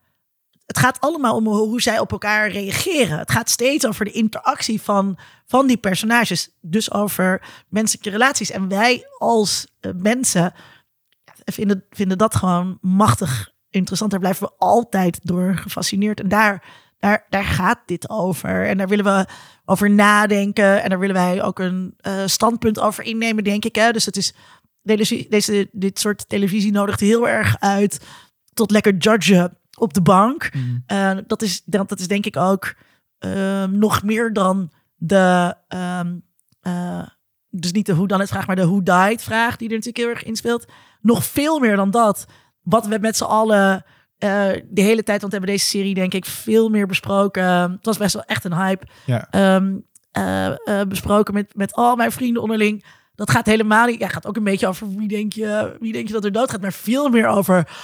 Oh my god, hoe erg haat jij Ethan? Oh my god, ik haat Ethan ook. Maar dat wel? is het, het verschrikkelijke is wat het lekker maakt om naar te kijken. Het is, het is dus dat je ehm, ja, het oordelen over de relaties tussen deze mensen en ook dus de redemption die dus iemand dan bijvoorbeeld krijgt door eh, iemand met iemand anders bed in te duiken of whatever. En wij willen, denk ik, dus eh, als mensen zo graag reflecteren op, op menselijk gedrag en menselijke relaties. En dit nodigt ontzettend uit om dat te doen. En dat is iets wat we als mens eh, eh, het allerliefste doen. Als het gaat over bij het kampvuur zitten en naar verhalen luisteren, dan is het veel eh, fijner om te praten of te oordelen. Niet te praten, te oordelen over wat deze fictieve personages doen. Dan hoe loopt het af? Of wie heeft, wie heeft het nou gedaan? Eh, dit was de week van de Juice-kanalen. Ik, ik, ik ben daar een paar keer over, eh, over geïnterviewd. En Juice-kanalen gaan over eh, echte mensen. Maar die BN'ers, die behandelen we een beetje als een soort van personages. We vinden Ja. het moeilijk om het verschil te zien. mensen. Ja, om het verschil te zien tussen de persona van de BN'er en, dat, en te denken dat er een echt iemand achter zit. En dit, zo'n serie als dit, stelt ons dus in staat om geheel eh, zonder consequentie, want het zijn geen echte mensen, want het zijn personages heel duidelijk, al dit soort oordelen te hebben over vreemdgaan, over sekswerkers inhuren, over ehm, eh, liegen, over hoe je je verhoudt tot je baas, over al die dingen. Dat is heerlijk. Ja. Wat denk, wat denk je? Want wat denken jullie? Wat- Nou, ik wou net zeggen dat ik begon net met... ik wil jullie iets voorleggen, vinden jullie dit net zo vreselijk als ik? En dat was dus ook omdat ik op zoek... Ik bedoel, jij noemde net dat oordelen en met elkaar ook afstemmen een standpunt innemen. Hè? Waar Ja. sta ik? En het zegt, denk ik onbewust of juist heel bewust... eh, ook iets over jouw relaties met anderen. Dat jij gaat zeggen, oké, inderdaad, vo- vond jij Ethan ook zo kut? Oké, dus wij begrijpen elkaar. Ja, wij levelen, wij hebben hetzelfde morele kader. Ja, ja, en dat vond ik ook heel lekker aan dat soms ook ik bij bepaalde personages dan eh, was van: is het nou de bedoeling dat ik deze persoon inderdaad nou wel of niet sympathiek vind? En dacht ik, oh, maar dit gaat natuurlijk helemaal niet over wat de bedoeling is. Het gaat over mijn eigen kijkpositie, nog meer dan bij andere series natuurlijk. Dat je dat de hele tijd je toe aan het verhouden bent van, oh, vind ik dit personage nou tof en die niet? En daarom denk ik ook dat ik seizoen 1 meer cringy vond, omdat ik bijvoorbeeld die twee meisjes daarin eh, eh, niet kon uitstaan. En hoe zij dan praatte tegen haar eigen moeder. Omdat ik denk, zo praat je niet tegen je ouders, weet je Dan was wel? je dus dat ook aan het doen. Ja, Maar misschien had je toen gewoon onvoldoende mensen om ermee over te praten. Van hoe kut zijn die dochters? ja precies, Ja, omdat- precies. omdat te- door te weinig mensen gekeken wordt dat je niet de catharsis tussen de afleveringen Ja. had, waarin je het even kon verwerken. Ja, want ik heb dus Ja. ook al die afleveringen eh, van Skip Intro wel geluisterd Ja. erover. Omdat ik dacht, ik wil wel horen Van wat... seizoen 2. van seizoen twee. bestaat dat niet. Precies, Ja. omdat ik wilde weten, wat vinden mensen eh, daar Ik nou ben wel van? benieuwd. Wat want ik heb dus nu seizoen 1 weer teruggekeken. En toen wou ik ook wel met mensen daarover praten. Dus eh, eh, dat personage van Steve Zane is zo mega cringe en irritant en, en vervelend. En dan krijgt hij te horen dat zijn vader eh, gestorven is aan de gevolgen van aids. En dan gaat hij dus tegen de hotelmanager helemaal aanlullen over hoe het is om homoseks te hebben. Ah, ah, daar vind ik wel dingen van. En ik had heel graag gehad dat, eh, eh, dat eh, al mijn vrienden toen dat ook keken. En dat ik het met hen ook hierover had kunnen hebben. Maar, maar dat dus, ja, die cringes, ja, dat, dat die afkeer die je hebt van al deze personages en de dingen die ze doen in onderlinge verhoudingen. Dat is wat het zo, dat is wat het zo lekker maakt. En dat is dus wat in alle twee die series, eh, alle twee die seizoenen zit. Ja. Ja, en ik wil ook wel zeggen dat ik de dialogen gewoon heel goed geschreven Hmm. vind. Eh, dat is echt ook mijn nummer één ding waardoor ik iets heel irritant kan vinden om te kijken op de verkeerde manier. Als je iets aan het kijken bent en je denkt, zo praten mensen niet Nee. met elkaar. En bij dit had ik zoiets van, ja, zo praten mensen dus wel met elkaar tot hele hoge irritatiefactoren op de goede manier. Ja. Daar kun je dus op een andere manier naar kijken. Maar ik geloofde wel alles. Ja, het voelde wel, ondanks dat ehm, alle personages zijn heel erg uitvergroot. Ze staan duidelijk voor iets in. Ik bedoel, op de hele cultuurkritiek die daar aan de grondslag ligt, daar komen we zo allemaal over. Maar ondanks dat ze parodieën waren bijna, of satires, voelden ze wel als mensen, omdat ze wel altijd driedimensionaal bleven. Het was nooit eenduidig, jij bent dit type mens en dat is het enige wat die persoon is.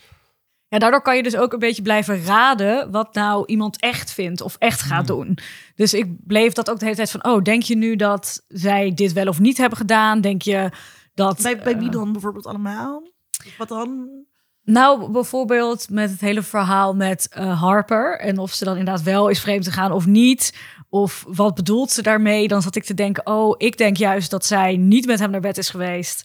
Met Dominique, maar eh, ging... Dominique, toch? Nee, Nee, Cameron. Cameron. Cameron. Dominique is natuurlijk die vader van de andere. Ja. Met, met Misschien is ze ook wel met hem naar bed Het geweest. zou allemaal kunnen. Het zou allemaal kunnen. Maar mijn theorie was, ze is niet met Cameron naar bed geweest. Maar ze weet dat dit Ethan helemaal gek maakt. En ze gaat hem laten zien hoe erg het is als je iets dus niet weet en iemand gewoon doet alsof het mooi weer is. Ah. Maar ik heb heel veel andere mensen gehoord die zeiden, nee, nee, ze zijn sowieso met elkaar eh, Oh, eh, eh, naar bed geweest. Dus dat raden, wat is nou wel, wat is niet, wat is echt, wat is nep. En de serie geeft op geen enkel punt closure Nee. daarover. Op, met niks. Ik heb, dus, Met werkelijk niks. ik heb ook echt met... ehm dus eh eh, Skip Intro, een podcast, heeft, eh, heeft die recap afleveringen gemaakt.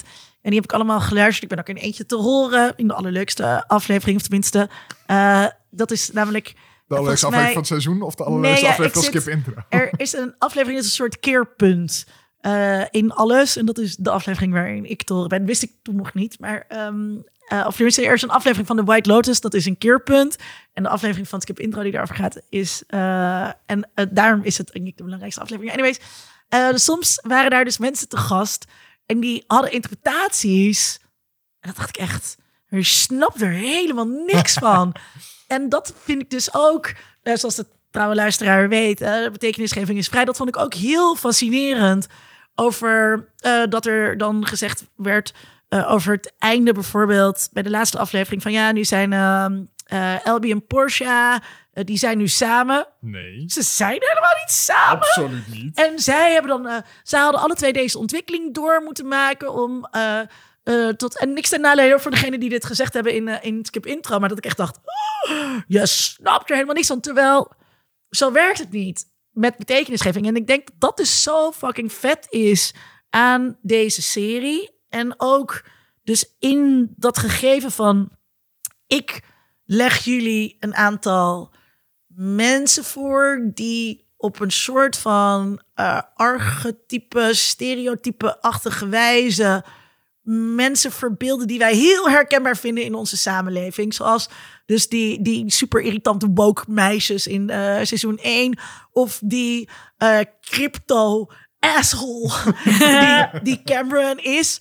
Of die, ehm, eh, ehm, weet je wel, ik heb mijn start-up verkocht. En mijn haar hangt voor mijn ogen. Ethan. Ehm, dus types die heel herkenbaar voor ons zijn. Ik leg jullie al deze personages voor. Is eigenlijk wat Mike White zegt. En hun relaties. Zoek Doe ermee wat je wil. Ja. Ga maar lekker oordelen. Ja. Veel, veel plezier ermee. I love it. Ja, echt heerlijk om naar te kijken. En, eh, maar, en I love dus ook, eh, dat ik dus wel even gezegd hebben, ook was ik dacht ik echt zo, nee, je snapt er niks van. Ik vind het dus wel ook heerlijk om dus inderdaad andere mensen daarover te horen. En dus vervolgens, wat jij ook net zei, iedereen die Ethan net zo haat als ik, those are my people. Weet je wel, dat je dus ook jezelf, ehm, eh, ja, een soort van... Ja, er tegen afzet van waar, Hmm. dit zijn de mensen waarbij ik hoor en dit is dus niet. Ja, net als Ja. dat je kan zeggen van wat is je favoriete Star Wars film? En als, Ja. en als mensen dan zeggen negen, oké, ik wil niet met jou op date of ik wil niet met jou vrienden zijn, ik wil helemaal niks met jou te maken hebben. die mensen moeten we de ruimte in lanceren. Ja, vind ik dus En ook. dan de rechtstreeks de zon in. Ja, vind ik dus ook mensen die Ethan niet haten. Ja, oké. Nou ja, ze mogen hier wel binnenkomen. en ik kan ze wel een glaasje water geven als ze heel veel dorst hebben. Maar ik, bedoel, ik ga geen bier met ze drinken. Ik had op een gegeven moment dat allemaal mensen ook zeiden na die laatste aflevering: Oh, Elby was toch niet zo kut. En toen dacht ik, Eh, excuse you. Eh, toen dacht ik echt: Oké, deze mensen, wij kunnen geen vrienden worden. Het spijt me. Als je Ja, luistert, toch? het spijt Nee. me. Ja, Nee, kan echt ik niet. ben blij dat we met z'n drie hier op één lijn zitten. Elby, nee. Ethan, nee. Nee. Eigenlijk bijna iedereen wel nee, maar goed. Daar. Ja, veel mensen En wie nee. zijn de, mag even, wie zijn de ja's? Eh, Harper? Nee. Ja, Ik weet dat heel veel mensen Porsche haten, maar ik heb toch Ik wel een beetje een zwak ik haat voor ook. Porsche. Ik haat Porsche. Wat is jouw zwak voor Porsche? En hey, look at the time, Ja, Tom. Moest nee. jij niet eh, de tram halen? hou je ook van gebroken vogeltjes? Nee, Nee, maar wat weet je? Hoe snap je Porsche? Nee, gewoon. dat Die vond ik niet een van de kutste personages. Sorry. Maar gewoon me. medium kut. Wel kut, toch? Ja, ik bedoel een beetje navelstaarderig, maar sure. Mag Porsche in de podcast komen? Mag Porsche in de podcast? Niet per se. Oh, God, hij gaat straks nog ja zeggen. ook. Nee, nee, nee, niet per se. Ik bedoel, het is niet alsof er goede Kom mensen met je glas zijn. geef ik je meer alcohol. Dan hoop ik dat ik je op betere gedachten kan brengen dan dit. Ja, denk ik niet. Maar eh, nee. Goed, volgende onderwerp. Mag ik toch ook een klein beetje? Ja. Eh, nee, maar we waren nog iets anders. aan- Oh, ja, we eh, waren eh, nog... Wie, wie, wie, wie we niet ehm, kut vonden. Eh, eh, nee, niemand. je vond alle personages kut. Ehm, je had die Bali-medewerkster waarop de manager verliefd is. Geen kutpersonage. Rocco, ook niet een Nee, kutperson. nee, nee, Rocco. Ah, arme Rocco. Ik moet eigenlijk ook zeggen, trouwens, Daphne. Nee, vond jawel, Daphne wel zij zijn echt... echt ook I know, ze zijn super evil, maar als ik... Maar aan het einde werd je Daphne... eh, ik weet niet of we daar nog... Maar die, die, een van die laatste scènes op het strand... waarin zij met Ethan zit... en Ethan zegt van... eh, ik denk dat er misschien iets gebeurd is. Ja. Zij gaat zo hopelijk prijzen winnen voor die scène. Ja. Want Oh, Wow, fantastisch. zij speelt dat fantastisch. En op dat... Weet Oh. je wel, dus Daphne grows on you... Maar... Dit is wel kut. Een kutwijf. Nee, ik vond ehm, ehm, Valentina geen kutpersonage. En... eh, Valentina is de manager. Dus De van het hotel- hotel. ja, ja oké. En unpopular opinion. Bert. Waarom? Oké, dit mag je even Bert uitleggen. legt, Bert is gewoon de meest soort van een fossiel uit de jaren 50. Bert legt vanaf het begin af aan al zijn kaarten op tafel. Fair. Bert is gewoon, is gewoon die oude man die eh, denkt dat hij een complimentje maakt, maar eigenlijk is het goor. hij is dat. En hij is het unapologetically. Hij doet zich niet beter voor dan die is. Hij is het. Het spijt me. Ehm, misschien heb ik daddy issues. Maar ik zie er ook wel een soort van charme ehm, in. Ja, daarmee is het tegenovergestelde van zijn kleinzoon, die ik echt een van de kutste personages eh, vind. Die alleen maar een soort van, eh, een soort van holier than thou mentaliteit heeft. Maar eigenlijk vrouwen helemaal niet hoger heeft zitten dan zijn vader en grootvader. precies. Vrouwen zijn nog steeds een manier voor hem om status te verkrijgen, omdat hij ze nice behandeld. En ik, er zit dus een soort van gradatie in van grootvader, vader eh, naar, naar kleinzoon. Dus eh, grootvader, weet je wel, die is, die is gewoon zo fossiel uit de andere tijd, zich van geen kwaad bewust. Vader zit er al een beetje tussenin en die, nou ja, ik bedoel, hoe hij... Ik vind vader misschien nog erger hoor. Oh, hoe hij verteerd Ja. wordt door schuldgevoel. Je hebt dan zo'n scène waarin hij over... niet. Waarin hij over het strand loopt. En dan kijkt hij naar alle gelukkige gezinnen. En dan denkt hij, oh, what have I done? En dan ondertussen, weet je wel, toch allemaal doen. Echt, weet je wel, dat. En dan die zoon, of die kleinzoon, die nog hypocrieter ehm, is. Die denkt dat hij de goody two shoes is. Terwijl die ondertussen, ehm, ja, op, geen enkele manier eigenlijk afwijkt. En de manier waarop hij, ik vond dat dus, wordt heel veelzeggend. Eh, op het moment dat hij er dan achter is gekomen dat eh, Lucia, oh, trouwens een leuk personage, I love Lucia, Mhm. ehm, dat eh, zijn sekswerker is, dan neemt hij het voor haar op. En hij weet ook een soort van sekswerkerswerk. Dit is wat ik moet vinden. Hè? Dit, is, dit is hoe je, hoe je politiek cool bent in, in deze tijd. Maar dan zegt hij, ja, eh, maar je weet helemaal niet wat haar omstandigheden zijn. Ze wordt vast uitgebuit. Ze is eigenlijk arm. Waarmee hij alsnog, zeg maar, in die stigmatiseringsval trapt. Haar eigenlijk helemaal geen agency geeft. En Maar dat is hetzelfde wat hij met Porsche doet. Dat is ook alleen maar omdat het een gebroken vogeltje is. Dat hij denkt van... haha. We hebben eens. Ja. Hij is zo, ja, ik vind hem echt de naarste soort van predator. De predator die zich voordoet als de nice guy. Dat zijn de incels. Dat zijn de mensen die het kapitool vorig jaar hebben bestormd. Dat zijn de mensen waarvoor je moet oppassen. En niet Bert. Die als hij zegt, ja, ik kreeg een omhelzing van het meisje. En eh, ik moet toch even zeggen, ah, ik werd een klein beetje lichamelijk opgewonden. Ah, Bert is gewoon eerlijk. Jezus Christus. Terwijl Linda Weinig gaat halen, wil ik dan nog eventjes mijn klaagzang juist inderdaad over Dominic. Nu wel juist de naam. De vader. Ja. De vader. Want die scène die Linda net beschreef, toen heb ik wederom naar het scherm geschreeuwd met boe fucking hoe. Oh, Ik als- ja, precies. Zeg maar misschien waar Linda zegt, we moeten vooral uitkijken voor alle, alle incels, weet je wel, die zeggen ik help, eh, ik, ik ben een nice guy. Dan zeg ik, alsjeblieft laten we oppassen voor mensen, en in dit geval dus mannen, die niet hun verantwoordelijkheid nemen voor hun eigen gedrag. Ga in therapie, jongen. Je hebt genoeg geld. Ja. Fix jezelf.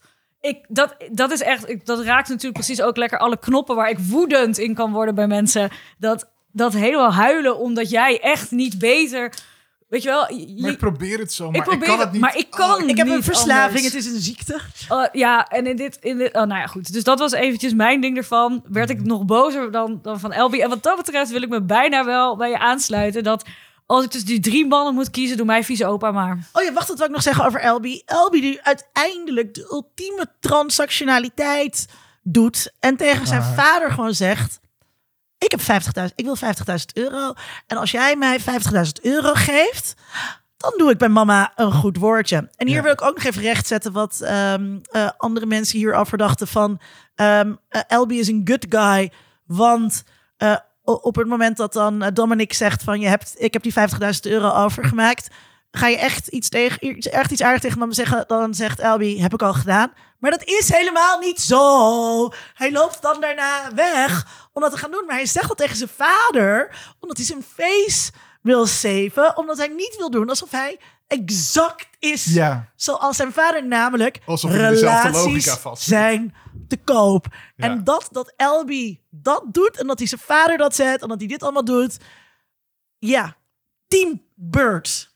En ben je ook Team Bird? Ja, stuur me dan een bericht op Instagram of op Twitter met Team Bird. Ik waardeer het heel erg. Mag ik daar ook nog even over zeggen dat het ook nog eens naar zijn moeder echt een kutstreek is? Oh, 100%. Ik heb zo Echt vaak- Niet, ik is een care over zijn moeder. Precies, want hij weet dat zijn vader nog steeds niet is veranderd. Dat heeft hij gezien. Nee, en hij weet dat ook Lucia iets met zijn vader heeft gedaan. Dus toch? hij Nee, dat weet hij niet. dat Oh, weet Oh, hij niet. dat weet Bert alleen. Dat Ja. weet Ja. Daar Maar, is Elby te dom voor. maar Elby is dus bereid om eigenlijk te liegen tegen zijn moeder dat zijn vader nu inderdaad veranderd is, zodat hij die 50.000 euro krijgt. Ik kan neuken. Dat is het verhaal van Elby. Dus nee, er is geen redemption voor Elby. Nee, fuck Elby. Nee, Oké. Elby moet echt de ergste dood sterven. Jezus. Een ergere dood dan Dominic. En Bert mag gewoon rustig. eh, We hebben het trouwens nu nog steeds niet gehad over het personage van dit seizoen. Wat ook in seizoen 1 kwam. Ja, eh, daar wilde ik inderdaad gaan heen, eh, heen gaan. Want eh, een van de centrale dingen van dit seizoen, net als het vorige seizoen, is de who died. Dus dat je de hele tijd aan het uitpluizen bent wie gaat er dood. En dat was natuurlijk uiteindelijk Tanja En de gays. en de gays. Ehm, Belangrijk. hoe vonden jullie Tanja? Ik vond het geweldig. Het was in seizoen 1, ik blijf er toch op terugblikken, Ja. vond, ik, Mag. vond ik er al heel grappig, maar toen ook een beetje irritant. Ja, wel eens in seizoen wel. 1. En seizoen 2 vond ik er helemaal niet meer irritant, maar vond ik het gewoon intens grappig ook allemaal. Ik vond het wel heel zielig hoe ze dan dacht de liefde te hebben gevonden en dat Greg haar toen heel slecht ging behandelen. Dat, Ja. dat brak echt mijn hart. Maar voor de rest heb ik zo hard gelachen. Ik denk dat Jennifer Coolidge echt een geweldige rol speelt. Volgens mij heeft ze ook... Heeft net een award ervoor gekregen, meende Golden ik. Ja, Ja. en dan heeft ze ook in een speech gezegd... Ik ben weer helemaal terug, hoera! Eh nee, ik vond, dat vond ik echt Ja. geweldig. Het is ook wel... Ja, hoe zeg je dat? Ik, ik- ergens... Wat in seizoen 1 was bijna alle zelfreflectie was er niet. In seizoen 2 had ze die wel. Wat voor Ja. mij ook een extra laag gaf. Ik vond een geweldig personage. Maar ook dat je denkt... Oh god, wat doe je? Wat ben je nou allemaal? Doen, oh, oh, doe nou niet. Ja. Ja, In seizoen 1 had ze ook wel een stukje die zelfreflectie. zelfreflectie. Eh, en- heel maar dat- erg. Maar dat, dat vond ik zo grappig daarin hoe wrang dat dan eh, was aan het einde van het seizoen. Dat ze dan inderdaad zelfreflectie ziet en dat ze dan inderdaad doorheeft. Al mijn relaties zijn transactioneel. En daarom kan ik nu niet met die spa-persoon die ik een heel businessplan heb voorgeschoteld. En de- zij gaat miljoenen verdienen. en Maar ik ga wel goed. mijn hart verpanden aan Greg. Ja, maar dat, dat ze dan doorheeft, dat is een transactionele relatie en dat moet ik niet meer hebben in mijn leven. Maar dat is een goede keuze voor haar. En het wrange is dat dat dan de slechtst mogelijke keuze is voor die ander. Die... En het is dus ook, denk ik, Ja. niet een goede keuze voor haar. eh, omdat ze de kans had om iets betekenisvol te doen. Omdat ze de kans had om met haar geld eh, iemand die het eh, verdient. Ja. eh, omdat die gewoon eh, een goed businessplan had. eh, goede klantvriendelijkheid. gewoon echt een goed werkidee. Om die vooruit te helpen.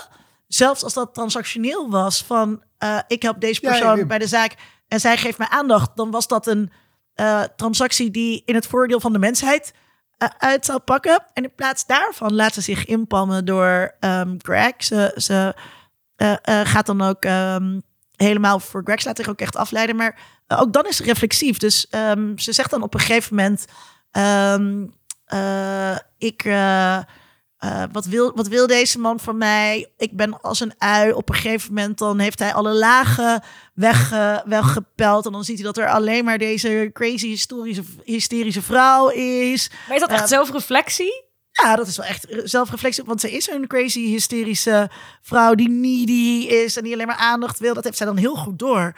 En dan eh, eh, is ze bij Craig. En dan gooit ze dat ook vol op hem. Dan zegt ze: Nee, ik wil niet met je naar bed. Dit is wie ik ben. En dan geeft ze zichzelf helemaal bloot. En, eh en eh, Craig die luistert dat aan en die zegt eh, daarna: Kom maar, schatje, ik wil nog steeds met je naar bed. Wat ik in seizoen 1 heel lief Ja. en leuk vond van deze Greg, die een ambtenaar is voor. Maar als je dan seizoen 2 hebt gezien, en je gaat seizoen 1 nog een keer kijken, dan denk je: Ze wordt ingepalmd. dit is voorbedacht te raden. Hij, hij ontmoet haar zogenaamd toevallig. Dat is natuurlijk helemaal niet toevallig. Dit was, dit was al lang eh, in de planning. Maar even terugkomen op wat je zei. Dus zij is in dat eerste seizoen heeft ze, heeft ze ook al die. ehm, Ja, misschien denk ik, als ik met zelfreflectie bedoel ik dan bij het tweede seizoen dat ik het wat gelaagder vind. Dus dat ze dan. Ze noemt zichzelf daadwerkelijk gelaagd. Ze zegt: Ik ben een ui als je alle laagjes weghaalt. Ja, maar dat is in seizoen 2, toch? Eén, één, dat is in Oh, ik één. dacht dat ook in in twee één. zat. Oh, misschien- Voordat zij die, dus aan Craig zich helemaal blootgeeft. Ah. Ja, maar bij dat. Zegt zij dit? Maar ik vind wel dat bij dat doen, bij kijk, er is een verschil tussen vanuit een rustige positie zeggen: hey, dit is wie ik ben, dit zijn mijn goede kanten, dit zijn mijn slechte kanten. Een andere optie is: ik ben knettergek, ik ben waardeloos, dit is alles wat ik ben. Je gaat toch weg. Ik, dat is niet per se zelfreflectie. Dat is een Ja, soort. dat zegt ze eerst tegen die chick van Nee, de Maar dat, massagesalon. maar dat, dat is toch wat Iris ook Ze zegt? zegt- ja, dat zeg ik. Ja, maar dus dat, niet dat, maar dat is van- Iris zegt. Nee, maar ze zegt het niet. Ze zegt het daarna tegen Greg. Maar eerst zegt ze het in een moment van zelfreflectie tegen die vrouw van de massagesalon. En dan zegt ze, wat moet hij met mij? Hij wil niet aan mij blijven. Dit is wie ik ben. Dat zegt ze op een heel zelfreflectieve, niet crazy manier. Ja, misschien. Ik, En daarna zegt ze tegen Greg van, "Wah, mama, dit is wie ik ben. Maar daarvoor doet ze dat echt. Ja, maar ik bedoel, denk ik, ik denk dat we misschien iets anders bedoelen. In de zin dat ik denk dat er iets anders is dan te zeggen: er is toch niks met mij. Wat moet hij met mij? Ik ben nou eenmaal gek. Ik ben nou eenmaal dit. Ook als je het op een rustige manier zegt. En verder in eh, seizoen 2 laat ze wat meer los over ook andere dingen. Dus dingen die in haar leven is gebeurd, waarom ze zo is geworden zoals ze is. Misschien is het niet alleen zelfreflectie. Misschien dat ik als kijker in het tweede seizoen meer van haar begreep dan alleen maar ik ben deze crazy lady die hysterisch is. Ja, ja ik betwijfel dus of het zeg maar feitelijk juist is dat ze dat in het eerste seizoen laat ze dus ook allerlei dingen over zichzelf wel los. Maar goed, dat maakt niet voor niet, niet een hoofdpunt. Had- Hadden jullie ook, eh, los van alle soort van hysterische oordelen en zo over, of hysterische oordelen, alle oordelen Wat zeg over, jij, Tom? eh, eh, over eh, de personage ook, dat jullie de serie ingetrokken werden door Who Done It, dat jullie op zoek gingen naar, of Who, who Died, hoe, dat jullie op zoek gingen naar aanwijzingen in de serie of de kunst die op de achtergrond voorbij kwam. Veel sterker, fantheorieën, veel sterker dan seizoen 1. Dus dat is ook een soort van die eh, priming die seizoen 1 doet. Hè? Dus in seizoen 1 eh, overlijdt er iemand, maar dat is een onverwacht iemand. Dus bij 2 zit je dan al meteen klaar. Nu gaat het ook weer een onverwacht iemand zijn. Ja. Wie zal het zijn? Terwijl ik dus bij seizoen 2 veel meer zat te puzzelen naar veel meer, veel grotere hersenkronkels maakte. En veel absurdere manieren nog ging denken. Want ik wist dat het niet voor de hand ging liggen. Net als bij eh, Knives Out. Oh ja. Ja, Ja. waar we de volgende keer over gaan praten. Zit je dat, zit je dat ook een soort van te doen? Ja. Jij? Ehm, ik, had, ik heb seizoen 2 gebinged omdat ik heel laat ingestapt was. Omdat ik dus seizoen 1 dacht, dat kan ik niet nog een keertje hebben. En toen omdat er zo'n hype was, toch weer bij seizoen 2 ben ingestapt. Dus heb ik dus alles tot het laatste aflevering gebinged. En toen moest ik twee of drie dagen wachten tot die laatste aflevering. En toen heb ik zo van twee dagen lang alleen maar Reddit afgelezen en Twitter en alleen maar gezeten. Oké, maar als het dat dan dat is en dat is dan dit. En op de achtergrond zie je dan dit schilderij uit de 17e eeuw. En daar staat dit Jij op en dat al die aanwijzingen ook Ehm, uitpluizen. Ja, en dat vond ik hartstikke leuk. Ook omdat voordat ik begonnen was aan het seizoen, was ik al een Twitter-draadje van Annaluna Post eh, tegengekomen van Weile Vierkante Ogen Show en Fris en Vurig Liedje. Eh, en zij is historica en had dus ehm, eh, met ook specialisatie in Italië, volgens mij, rond de renaissance. Dus zij kent al die kunst die voorbij komt. Dus zij had op een gegeven moment een draadje gemaakt van dit en dit en dit is er allemaal voorbij gekomen. Dat betekent allemaal dit en dit en dit en dit en dat. En met dat oog ga je dan die serie kijken. Dus zo ging ik eigenlijk was aan al het dat Wie is tweede de seizoen. Molle. Ik was aan het Wie is de Molle. Maar heel veel kwam soort van half thematisch met een omweg terug. Maar eigenlijk was de helft van de tijd was het gewoon een soort van rode haring. Van, zo van, oh je denkt dat iets daar is. Want, oh je ziet iemand ergens daar en dat heeft te maken met onthoofding naar vreemd gaan. Oké, die is vreemd gegaan. Dus misschien Cameron en Harper zijn vreemd gegaan. Dus één van de twee gaat dood. Want je hebt de hele tijd die eh, eh, hoofden in die kamers. En dat verwijst naar een mythe waar een onthoofding in plaatsvindt naar een vreemd gaan. Dus dat zal het wel zijn. Maar dat is het helemaal niet. Maar je hebt, ja, je hebt je dus echt laten, laten Wie is de Molle. Ja, maar dat doet de serie ook bewust. Want al die verwijzingen zitten er natuurlijk in dat het soort van overgedetermineerd is wie er uiteindelijk vermoord gaat worden. Er zit een veelvoud aan betekenissen en hints en verwijzingen in. Die zitten Die- trouwens allemaal niet in seizoen 1. Nee, dat is echt nieuw aan seizoen 2, omdat waarschijnlijk veel bewuster was dat de kijker er met die blik in ging. Eh, en ik was daar totaal door afgeleid. Ik zat alleen maar dat allemaal uit te pluizen. Seizoen 2 is ook echt veel meer menacing. Ik kan er niet een ander woord eh op geven. Dus ehm, die, eh, die muziek, daar moeten we het straks ook nog even over hebben. Ja. Maar die muziek van oeh, dat zit ook in het, eh, in het eerste seizoen. En volgens mij heb ik toen ook al wel in die eerste aflevering die we erover maakten, jullie die we erover maakten, gezegd van het voelt, voelde toen voor mij de hele tijd alsof een soort bosgeesten van achter de rotsen meekeken en een soort vloek hadden uitgesproken Ja. over die irritante gasten in, in dat stomme resort. Zo keek ik er toen heel erg naar. Ehm, en hier is dat in de zestiende versnelling of zo. Dus hier had ik niet meer dat gevoel, misschien is dat ook een beetje racistisch van mij, dat ik bij Hawaii dacht aan een soort van uh, bosgeesten. Maar hier is dat helemaal eh, niet meer. Maar er is iets soort van, ja, menacing. Ik kan geen ander woord zeggen. En dat zit in die koppen, die je zit in die schilderijen, die je zit ook in de enorme erosie van de beelden Mhm. eh, de hele tijd. Dus het zijn allemaal En de afgezeten. bladeren, de fresco's. Ja. Ja, En die zee die de hele en tijd iets de anders eb en de is. vloed die De binnenkomt zee. en weer weggaat. De zee geeft, Die de zee die gaat neemt. steeds harder klotsen, klotsen, klotsen Ja. tegen die rotsen aan. En daardoor, dus die spanning wordt heel erg opgebouwd. En dat vind ik juist heel vet, omdat in de dialogen verandert er nooit iets qua spanning. Nee. Dat blijft altijd best wel kalm. Eigenlijk is het enige wat we zien is gesprekken tussen mensen in restaurants. En soms een ruzie, heel soms. Maar de spanning... Maar de spanning komt uit de muziek, uit de setting, aan de shots tussendoor. Die dragen dat bij. En dat is niet per se de dialoog of de scènes die je ziet verder. Best interessant zijn om deze te kijken zonder geluid. Een aflevering. Oh, ja. Gewoon om te kijken wat het dan met je doet. Dat zou heel grappig zijn, inderdaad. Ik weet niet Maar- of dat vol zou houden. Maar, ehm, maar de serie zet je ook op een dwaalspoor dus. Constant. Met al die eh, zogenaamde symboliek. En dat vind ik Maar het dus is heel- niet zogenaamd, want het heeft er allemaal mee te maken. Zelfs al raakt het niet direct. Het zit in de omgeving ervan.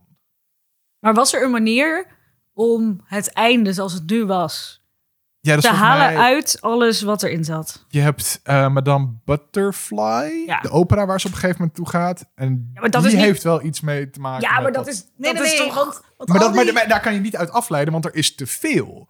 Dat is de oplossing. Dat is degene die er het dichtst bij is wat er gebeurt. Maar dat is één van tien hints die Ja, gegeven maar ook, worden. maar ook eh, kijk, uiteindelijk, ehm, zeker op een gegeven moment wordt het wel duidelijk dat Tanja doodgaat. Maar de manier waarop ze doodgaat, gaat, dat weet zat je in helemaal niet. niks. Nee. En weet je, dus er wordt al eerder, volgens mij komt dat ook van, eh van Anna Luna, die dat Italiaans had eh, verstaan. Dat ze op een gegeven moment is ze dan bij zo'n eh, zo'n kaarten, kaartenlegger. Oh En je gaat het over zelfmoord. En eh, dus er zitten allerlei vooruitwijzingen in. Maar zo sterft ze helemaal niet. nee.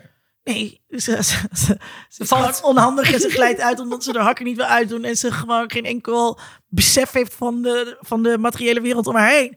Maar, ehm, dus, nee, het is, het, is wel, het is wel een dwaalspoor waar je op Ja, gezet totaal. wordt. Dat is ook wat ik zeg, ja. Ja, oh, dacht je zei nee. En dus, dus ehm, nee, je had het nooit eruit kunnen afleiden. Totaal niet. En dat is net als bij Wie is de Mol. Ehm, dat, vind ik is ook een beetje als een soort van irritant aan Wie is de Mol.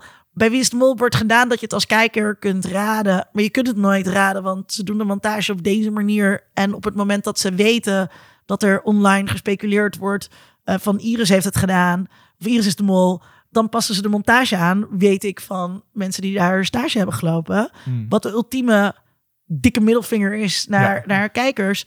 Eh, dat was hier, neem ik aan, niet zo. Maar, eh, maar ja, dus ik denk ook, je verliest jezelf dus als je gaat proberen al die dingen, alle clues.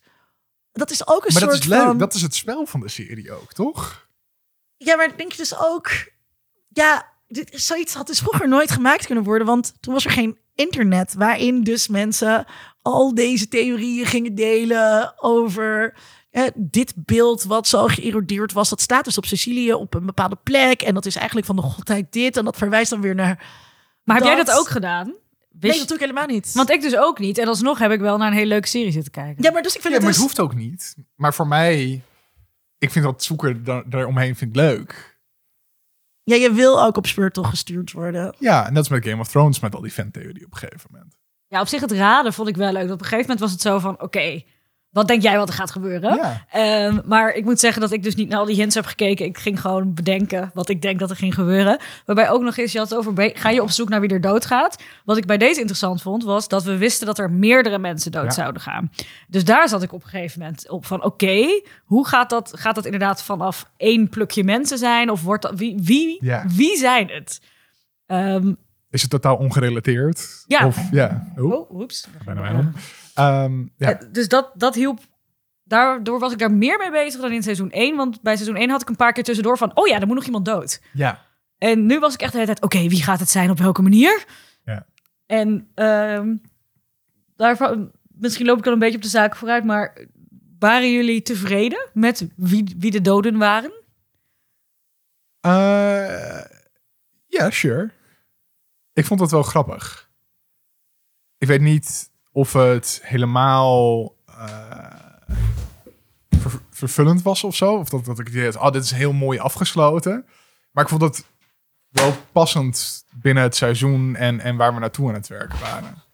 Eh, Ja, dat is wel gek. Ik, ik, ik had, het, het voelde soms een beetje afgeraffeld. Maar ik vond dat niet slecht of niet passen of zo. Wat vond je afgeraffeld? Het, het is heel snel. Het is heel abrupt. Het, is, eh, het komt tot een climax. En dan beginnen ze met schieten. En dan glijdt ze uit. En dat is het. Ja, maar daarvoor is wel een soort van resolved dat het niet eh, Ethan Cameron, Daphne of eh, Harper gaat zijn. Nee, dat weet, je weet alleen dat het niet Daphne is. Nee, ook want Cameron en Ethan hebben al gevolgd in de zee. Oh, en dat zou dan het moordmoment moeten zijn. Ja, dat, dat conflict is daarna, dat vond ik Oh, ook. daarna zijn ze wel poeslief. eh, ja, dat vond ik ook heel typisch. Bro, Bros will be bros. Als je gewoon even uitvecht, dan is het naar klaar. Oh, je wil mijn vrouw neuken, mag echt niet. Oh, nu ga ik je kopje onderduwen, klaar. Eh, en daarna nog even echt zijn vrouw neuken, waarschijnlijk. Misschien. Ja, daarna gaat die ander nog even zijn vrouw neuken en dan eh, zijn we all equal. Maar dat, die verhaallijn is daarmee wel Ja, een klaar. soort van verzoend en pacified. Dus Ja. je weet dat zij het niet meer... Ja, Ja, het zou wel heel eh, suf zijn. die span Maar terwijl wel in het hele seizoen is er wel een spanning ja, dat je denkt dat het één van hun gaat worden. ja. Ja, ze zijn eigenlijk wel de ook een van de- hoofdverdachten. Ja, en je zou niet...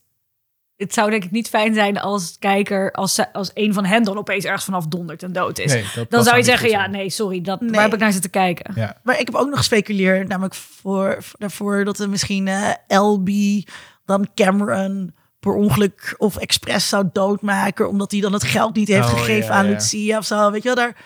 En maar dat was op, dat is wel allemaal aan het einde waren die lijnen wel allemaal soort van duidelijk. Dat gaat het niet worden. It's Dus? the gays.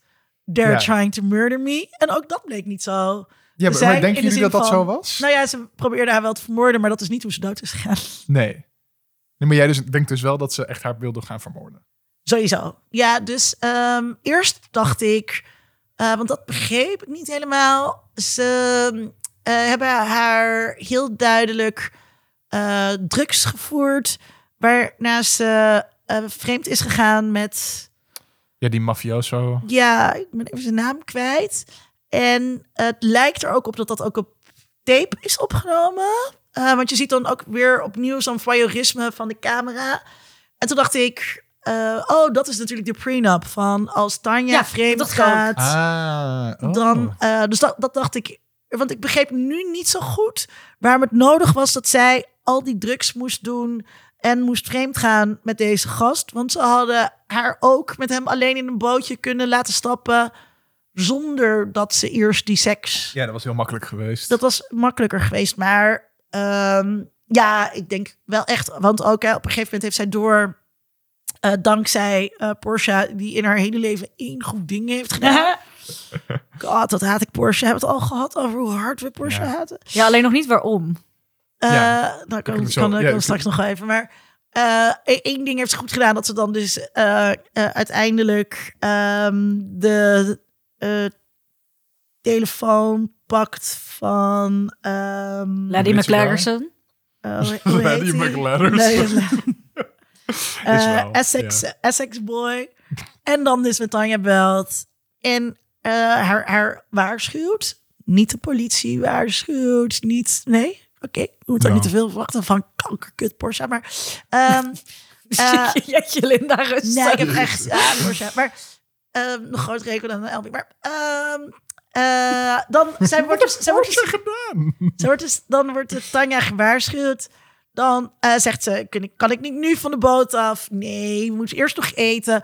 Kan ik niet nu van de boot af? Nee, we moeten... eh, Oké, dan denkt ze, ik wil niet van de boot af. Nou, het wordt nu toch wel tijd dat je van de boot af gaat. En het is heel duidelijk. eh, die gast heeft een touw Ja. en een pistool erin zitten. En, het, en ik denk dat het ook op dat, op dat punt... ook in de relatie tussen haar en eh, die cute Engelse hoofdgay, zeg maar, de Uber, de Uber, Ja. de Ubergay, dat het echt wel duidelijk is van dat hij ook wil dat zij nu wel gaat. En Ja. hè, dit is wel de moment you're gonna die. Dacht jij, twijfelde je daaraan? Ja, ik had ook wel het idee dat het ergens soort van Tanja's... eh, eh, Van een soort waan kon zijn van dat, dat ze zo paranoïde was geworden en dat alles in haar leven is zo transactioneel dat ze het niet kan geloven op het moment dat er iets niet transactioneels is. Maar Er was sowieso wel iets transactioneels aan de hand daar. en Porsche Eh, is natuurlijk heel door Essex Boy heel nadrukkelijk daar weggehouden. Dat heeft Essex Boy ook, ook Gewoon duidelijk op- gezegd. ge- Ja, op- die- dus ik, ik, Ik had eventjes dat ik dacht, misschien is het dus dat, dat ze haar gaan filmen. ja. En dat het dus, dat dat het is. Ik dacht, misschien gaan ze het wel zo doen. Dat het dan is, oké, nou, dat was het. Eh, oké, ga maar terug in je bootje. En dat ze dan netjes daar werd afgezet. En daarna een belletje kreeg van Greg van... oh, ik heb je op beeld terwijl je vreemd ging... en onze prenup stond dit. En dat dat het dan was. En dat zij daar dan zou staan van... ik leef nog, ik dacht dat ik dood zou zijn. Hmm. Totdat ik dat touw en zo zag. ja. Maar eigenlijk vond ik dat bijna En jammer. ze mag overdag niet weg en ze moet s'avonds eh weg. Ja. maar daarvan kon ik me nog voorstellen dat het een beetje bangmakerij zou kunnen zijn. Ik heb toen nog eventjes gedacht, voordat ze die tas zo vond... en voor, eigenlijk voor die scène dat het echt zo is van... je moet nu weg en met, dan met die tas. Daarvoor had het nog kunnen zijn dat, Wat, dat zij wat, een beetje in de war ehm, was. wat denken jullie? eh, was er echt maffia bij betrokken? Want eh, Essex Boy eh, zegt dan tegen Porsche... eh, als ik jou was, zou ik echt heel snel je hier vandaan wegmaken. Ik zou, want dat is ook de enige reden waarom je kan verklaren... dat zij niet de politie heeft gebeld. Hmm. Dat zij niet op het vliegveld zegt wat ze weet. Dat zij gewoon heel snel dat land uit eh, wil. Zij intimideert haar daarmee. Ehm, ook ehm eh, Ubergay, Oppergay, zegt ook zoiets tegen Tanja zelf. Dan vraagt zij iets over de maffia en dan zegt hij... We don't use this word here on Sicily.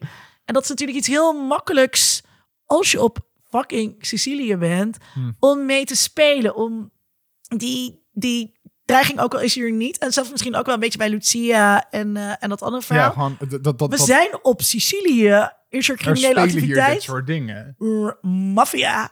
Ja. Want mm, ja, die gast was misschien gewoon alleen... Nicolo. Nicolo, Nicolo. heet hij. Oh, ja. Was misschien alleen maar knap en had helemaal niks. Maar die angst die dat vermeldt... Dus denken jullie dat er echt maffia bij betrokken is? Nee, ik dacht van niet. En ik dacht ook dat Nicolo een sekswerker was... die ze gewoon hadden ingehuurd zodat zij vreemd zou gaan. Ja. Dat was het idee wat ik erbij had. Ehm, ja, want anders zou het dan een soort van mafioso moeten zijn die specifiek op oudere vrouwen valt en dat de gays dan dat voor hem regelen of zo. Dus dat had ik ook dat dat het misschien was, maar En- dat vond ik ook heel raar. Ja, ik dacht echt sekswerker ook. Ja, en Ja. volgens mij is het ook met mafioso dat die ook proberen zoveel mogelijk in de schaduwen te bewegen. En die gaan niet opeens een hele rijke vrouw uit Amerika over laten vliegen. En die, Die dan in, zelf zat geld. ja, en dan iemand laten omleggen. Zeg maar, dat is niet onderdeel van, dat, van die wereld, denk ik. Hè? Misschien zeg ik nu iets heel geks en tikt iemand me op de vingers. Maar dat is wel heel veel moeite voor een ex-lover van jou. Waarvan nog steeds niet helemaal duidelijk is hoe dat nou in elkaar zit. Dus Mhm. ik, heb, ik heb eigenlijk zelf nooit gedacht dat de maffia hier iets mee te maken had. Nee, ik ook niet. Lijkt mij gewoon een maf- makkelijk Ja. Ja, en dat kan je dan ook een paar keer terughalen. Hè? Met, oh, we gaan het ding naar van The Godfather. En dit is hoe die dingen zitten. Ja. En dan gaan, gaan die drie mannen ook naar een bepaald plekje in Italië... om terug te gaan naar hun eh, roots. en dan gaat dat, allemaal mis. Oh, dat speelt ook allemaal... En maar dat Met zit dus ook weer in op ehm eh, die soort van eh, essentialistische, nare, eh, exotische gedachten die toeristen hebben over het gebied waar ze naartoe gaan. Zoals wat dat bij Hawaii dus was eh, met die eh, vuurdans. En dus dat dan hier is met amore en de maffia. Ja, Ja. en ook met dit gedeelte van teruggaan naar je eh, roots... vond ik ook heel typisch dat Amerikanen doen dat. Eh, niet alle Amerikanen, not all Americans... maar best wel veel doen het wel. Als je zegt, ik ben Nederlander, zeggen ze... oh, I'm Dutch too. En dan ga je in het Nederland tegen ze praten... en dan zeggen ze, oh nee, nee, mijn, mijn, mijn, mijn oma... Eh, en dat, Ja. dat doen ze met heel veel. En dat doen zij toch ook. Hè? Wij zijn eigenlijk zijn we Italiaans. Ja. Terwijl ze spreken helemaal geen Italiaans. Ze weten verder er helemaal niks van. Waar ook ik op een gegeven moment komen ze toch van. Oh, we gaan toch iets via Google Translate doen. Dat ik denk, waarom doe je dat niet al vanaf het begin? Ja. Ehm, en dus dat raakt denk ik ook aan dat beeld inderdaad van wat de Amerikanen hebben van Europa. ja. En hoe hilarisch is het dat ze dan dat huis uitgejaagd worden. Oh, fantastisch. En dat Bert dan een beetje verdrietig is. Ja. En het daarna doet alsof hij het een soort van vergeten is. Heel apart, inderdaad. Ehm, jullie wilden nog even een Porsche haatmomentje hebben. Dat las ik hier even in. ja, Nou, we moeten misschien even uitleggen na, Ja, waarom? na de uitbarsting van Linda net over Porsche. Zal ik beginnen met waarom ik, zeg maar, ja, sure. begin jij met waarom Porsche het meest irritante televisiepersonage is van de afgelopen 16 jaar? Wow. Linda's woorden. Eh, nee, wat, wat ik heel irritant vond was. Eh, het eigenlijk eh, het begin vond ik haar meteen vervelend dat ik denk: oké, je bent iemands persoonlijk assistent. Nou, snap ik best dat het irritant is dat je je scares moet maken en weg moet gaan. Maar aan de andere kant, hallo, je hoeft dus eigenlijk niet echt je werk te doen. En je zit daar in dat resort. En maak jezelf nut, ga iets doen, weet ik het. Als je dus zo graag avontuur wil gaan doen, weet ik veel. Je mag je kamer niet, niet, niet af ga dan een taal leren of zo. Of weet je niet. Maar het enige wat zij doet vanaf moment één is zeuren. Terwijl ze daar op Sicilië zit, prachtig weer, bij een zwembad. En zeg maar, ik had het eerder over mijn irritatie gehad naar eh, eh, Dominic toe, die geen verantwoordelijkheid neemt voor zijn eigen leven. En Porsche neemt ook helemaal geen verantwoordelijkheid voor haar eigen leven. En dan wordt ze ook nog echt zo ingepalmd door Larry McLadderson, waarvan ik van Karim nog even moest zeggen dat hij hem afschuwelijk en kut vond. En, dan, en dat zij daar dan ook zo met open ogen intrapt van, oh, hij vindt mij geweldig. en dan, aandacht. Deze Essex boy die alles wil neuken wat los en vast zegt. Oh, hij wil mij neuken. ja, en, en nou goed, ik vind Hij dat- mag me bellen trouwens. mij niet. En eh, ja, dus dat, ik, ik, ik vind haar zeuren. Ik vind dat ze weinig groei doormaakt. Dat ze naïef is. Ehm, dan zegt ze in het begin ook nog iets over medicijnen die ze wel niet moet nemen. En dan wordt het nooit helemaal uitgebouwd. Waardoor ik ook denk, ja, oké, nou ja. Dus ik vond haar en saai en vervelend. Alles wat Iris zegt. eh, het eerste wat ze doet vanaf het begin is inderdaad klagen. Terwijl eh, ze is daar. eh, alles wordt voor haar betaald. Ze hoeft eh ogenschijnlijk helemaal niets te doen. Eh, als assistent van Tanja. Alleen maar af en toe naar Tanja luisteren. En voor haar is dat een soort van ondraaglijke taak. Terwijl dus alles voor haar betaald wordt. Dan eh, eh, krijgt ze als opdracht. ehm, eh, blijf op je kamer. Dat doet ze geen één keer. Gewoon, ze doet niet eens even een poging wat ze ook had kunnen Ze doen. moet eten. Ja, maar ze kan ook elders gaan eten, weet je wel. Of ze kan op haar kamer eten. Ze mag dan dus alles bestellen wat je wil. Ze kan zich daar ook opsluiten eh, met, eh, met Netflix.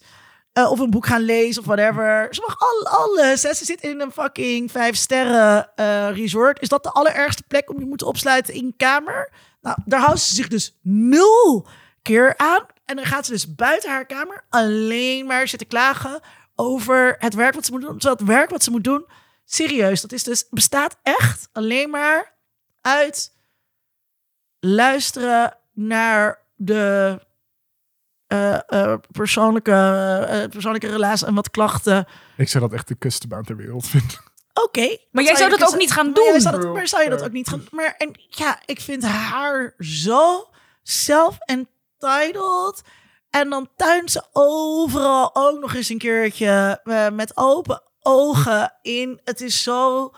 eh, natuurlijk vindt ze Elby saai. Ik zal Elby ook saai vinden. Elby ik is zou saai. nooit... Ik zou nooit een soort van tegen mezelf zeggen... Oh, Linda, wat ben je nou aan het doen? Misschien moet je eigenlijk voor een Elby gaan. Nee, want je weet dat... Dus daarmee, ze kwetst ook nog eens een keertje eh eh, Elby. ehm, wat, eh, wat nou onnodig was. Ik haat Elby, maar ik vond het... Ja, ja, echt. Ik vond alles aan haar zo irritant. En dus uiteindelijk ook hoe zij die hele situatie aanpakt. Hè? Nummer even. Eh, dus zij zegt dan van, eh, ik heb het gevoel dat er iets heel slechts aan het gebeuren is. Belt ze de politie? Nee. Dus je pakt, eh, je, je stilt dan iemands eh, telefoon, terwijl jouw telefoon obviously gestolen is door de gast eh, die jou aan het shaggen is. Eh, Bel je de politie? Waarschuw je iemand? Doe je iets? Ik werp nu Tom een veel betekenisvolle. Dit was een blik. Porsche haatmomentje. We gaan door naar het Doe. volgende blokje. Mag ik nog iets zeggen over, ehm, over die hype? Ja. Of komt het pas aan het einde? Ja, we kunnen aan het einde eh, als een vooruitblikje naar de hype kijken. Laten Ja. we dat dan even doen. Ja. Mag ik, mag ik een vraag opwerpen? Natuurlijk. mijn, mijn vraag is: eh, Ethan of Porsche is erger? Ethan. Jezus, wat voor duivels dilemma. Oh, maar dit is toch makkelijk. Ik bedoel, Porsche is alleen maar irritant omdat ze navelstaarderig en passief is. Ethan is daadwerkelijk kwaadaardig. Maar we Nee. haten Hij is gewoon tech bro. Want dat zijn de mensen die deze wereld aan het Oh, vernietigen we hebben nog zijn. niet op Ethan gehaat. Nee, maar dit is gewoon, dat hoeft ook niet nu. Daar kunnen we zo meteen nog Ja, weer nee, terugkomen. het- het- maar het- Ethan is dat- duidelijk dat een soort van. Porsche is irritant, Ethan is Ik vind, het kwaadaardig. zel, ik vind het op dezelfde manier eh kwaadaardig. Dus ehm Ethan, Kwaadaardig? ja, Ethan is dus ook, eh, is dus ook zo. ehm, eh, Oké, weet je wel, serieus even. Hè? Hij eh, is Sorry dat dus- ik heb, dit heb gevraagd, Tom. Hij, hij is dus samen met Cameron dronken geworden, lekker aan ecstasy, sekswerkers mee naar de kamer, gezellig belly belly, heeft hij allemaal gedaan. Oh nee, deed hij daarna, oh dat wil ik toch niet. Wel, al die dingen zijn allemaal gebeurd. Vervolgens geeft zijn vriendin elke gelegenheid om op te biechten wat er is gebeurd. Dat doet hij niet. Echt, maar elke gelegenheid. Ze legt het beetje helemaal voor hem klaar. Dat is ook waarom ik super Team Harper ben. Elke gelegenheid. En zij, hij doet het niet, hij doet het niet, hij doet het niet. Totdat zij met fysiek bewijs materiaal komt. En dan gaat hij daar staan. En hij is echt een beetje. Ik vind het wel een beetje irritant hoor, Harper. Ik zeg toch dat er niks gebeurd is. Ehm, schat, er is dus wel wat gebeurd. Er is van alles gebeurd. Tongen met een sekswerker. Vind ik ook wel iets wat noemenswaardig ehm, is. Of überhaupt, weet je wel, dat eh, eh, al die drugs gebruiken met je college boyfriend. In de nee, maar gaat hij echt staan janken. Alsof, en dat is echt een soort van gaslighting. Dat zegt zij eh, Ja. dan ook de hele tijd. Van, ehm, jij stelt je aan. Jij moet blij zijn dat ik alleen maar op deze eh eh, eh, drunken, drugs, crazed avond waarbij jullie er waren, dat ik alleen maar getonkt heb met de sekswerker. En Daar moet je blij voor dit zijn. is moreel equivalent aan Porsche's lamlendigheid. Ik vind dus deze eh aanstellerige zeikhouding exact dezelfde aanstellerige zeikhouding die Porsche heeft. Ik, ik volg je wel. Ik, ik vind ze niet helemaal hetzelfde. Dus ik Nee. vond Ethan daarin erger. Alleen, Wat voor redeeming qualities heeft Porsche? Nee, het, het gaat niet om dat ze redeeming qualities heeft. Het gaat over dat Ethan veel erger is. Nee, dat, dat vind ik. Dat vind ik. Dat, nee, dat vind ik dus helemaal niet. Dus je, je, je, ja, je baas wordt waarschijnlijk vermoord. Je hebt alle aanwijzingen in handen dat zij haar fysiek kwaad willen doen. omwille van haar geld. En wat doe jij? Misschien moet je daar weg. Mm, ze doet helemaal niks. Helemaal niks. En zelfs dus als ze op het vliegveld is en Elby dan zegt van ja, goh, eh, weet je wel, eh, eh, er was iemand en ze weet helemaal niks doet ze, alsof haar neus bloedt. Ik moet zeggen dat ik die eigenlijk nog niet zo bekeken had. Nee, dat, dat, dat, maar- en dat ik ook denk, ja, dat, dat is wel zo. Maar ik vond, terwijl ik het keek, had ik toch bij het Ethan, heb ik meer toen gedacht van, ah, wat ben je afschuwelijk en hoe durf je dit te doen? Hoewel ik ook moet zeggen dat er ook weer mensen zijn die daardoor Cameron helemaal vrijpleiten. En ik vond Cameron Oh nee, Cameron is veel erger. ook afschuwelijk. Nou, dat dat is wel erger. Oeh, veel erger? Nou, dat nee, weet ik niet. Nee, maar- want daar wil ik, dat is misschien nog, kan ik, kan ik Cameron is als, voor, voor mij is Cameron als een bird. Cameron is gewoon een obvious eh crypto-klootzak. maar hadden maar, jullie, hij, maar hij probeert het wel te verbergen. En hij probeert het wel goed te praten. Dan zie je, want hij zit de hele tijd opmerkingen te maken over. Trouwens, dat is ook grappig, want Harper werkt dus voor een eh, advocatenkantoor. eh, waarbij dus een soort van eh, eh, eh, slachtoffers van dit afschuwelijke eh, kapitalistische. Slachtoffers van Cameron. Ja, slachtoffers van Cameron. Ja. En dan zegt Cameron aan het einde: zegt hij, ja, een of andere trut die, eh, eh, weet je wel, eh, had koffie in haar gezicht gegooid. En toen had zij hem aangeklaagd. Yoghurt, oh ja, yoghurt. en toen was hij ontslagen. Nou, je mag ook helemaal niks meer. En nu moet iedereen rekening houden met de mensen die losers ja, hij is heel open. Hij legt al zijn kaarten op tafel. Dus Ja. hoe is hij dan erger dan Ethan? Om- nou, ik moet wel, nee, ik moet hier even iets over zeggen. Want ik denk toch dat omdat Cameron dus die crypto-klootzak is, die dus in een situatie zit dat hij dit ook mensen daadwerkelijk aan kan doen op die manier op zijn werk. Zeg maar, stel, hè, ik ben op de werkvloer, heb, dan heb ik liever een Ethan die zijn vriendin bedriegt. Want daar heb ik heel weinig mee te maken in, mijn, in, in de maatschappij verder. Dan, eh, dan een Cameron die ook gewoon lijkt het erop vrouwen aanramt. Eh, dus ja, dat, dat, dat vind ik toch. Ik vond het wat dat betreft lastig om te zeggen dat Ethan Wie hangt mensen aan? Cameron. Wie heeft hij aangehad? Ik vind zeg maar het zomaar aanraken van Harper de hele tijd. Harper wilde dit.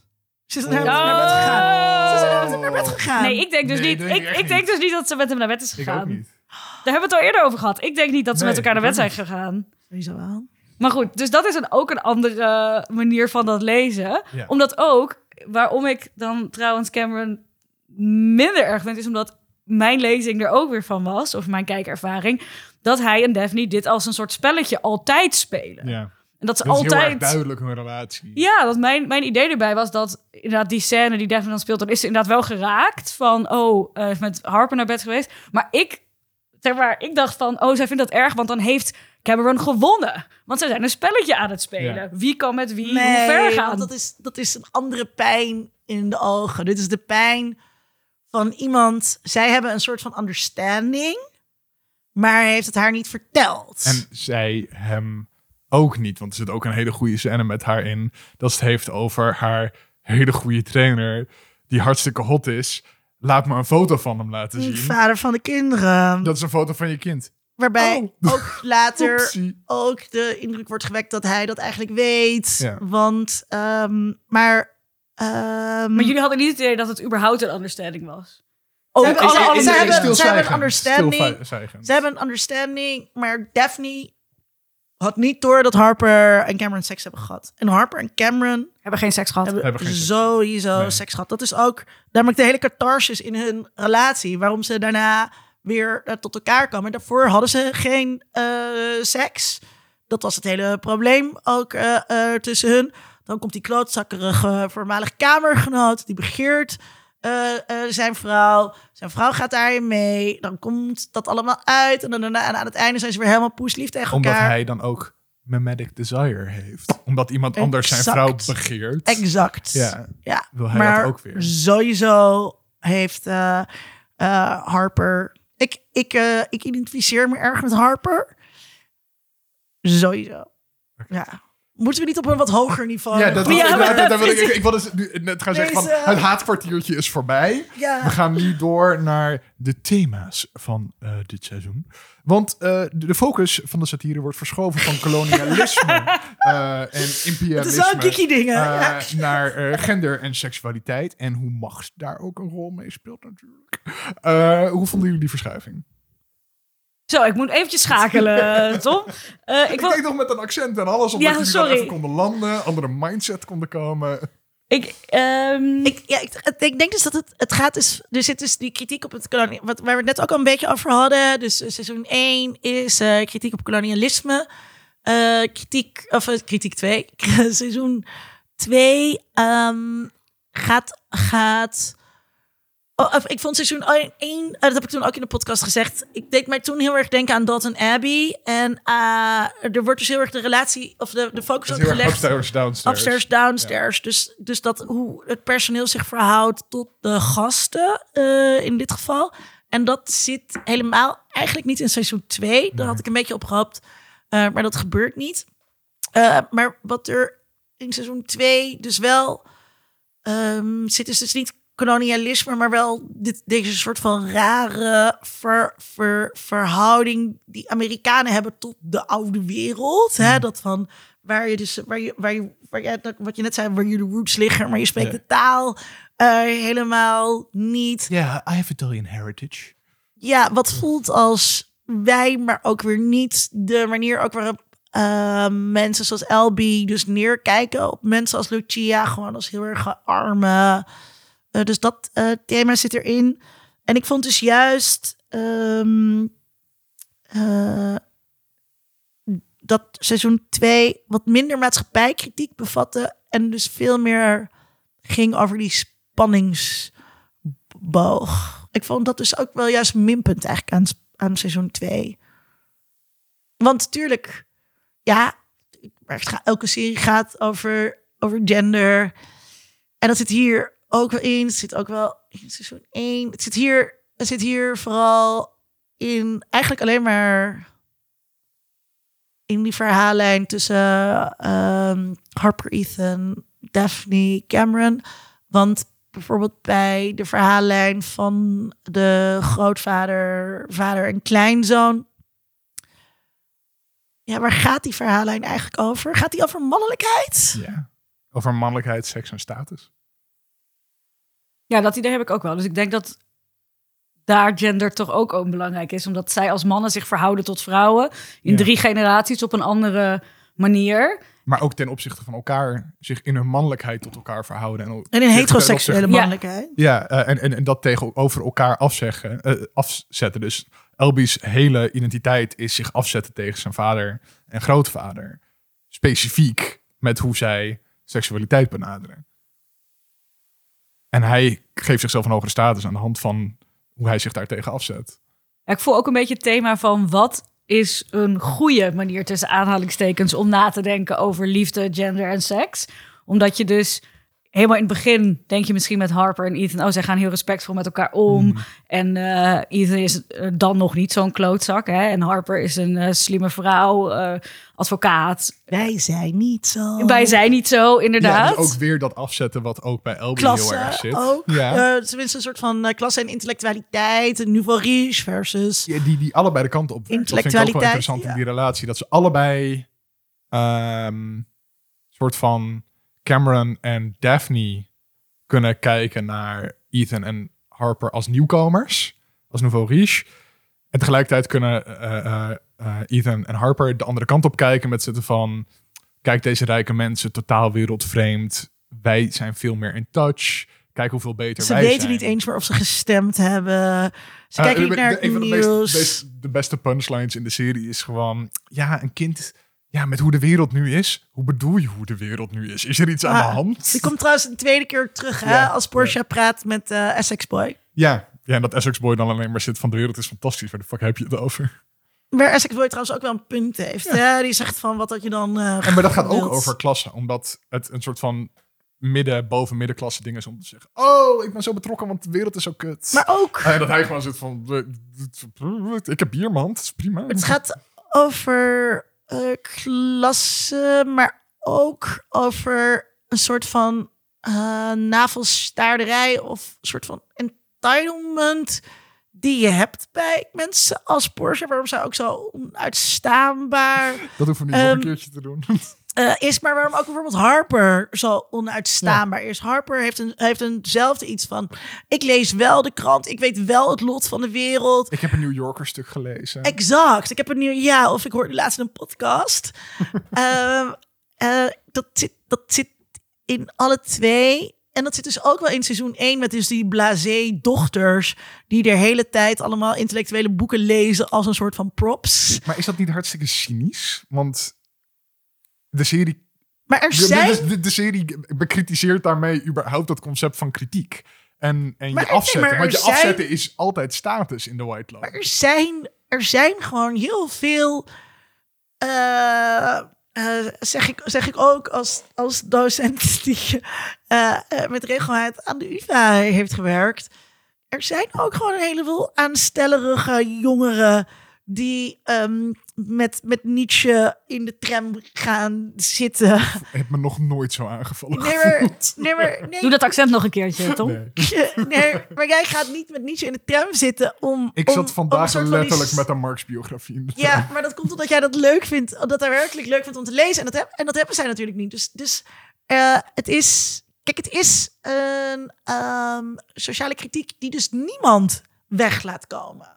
Hmm. Dus ehm, zowel Bird als Elby als Dominique eh, niet. Maar ook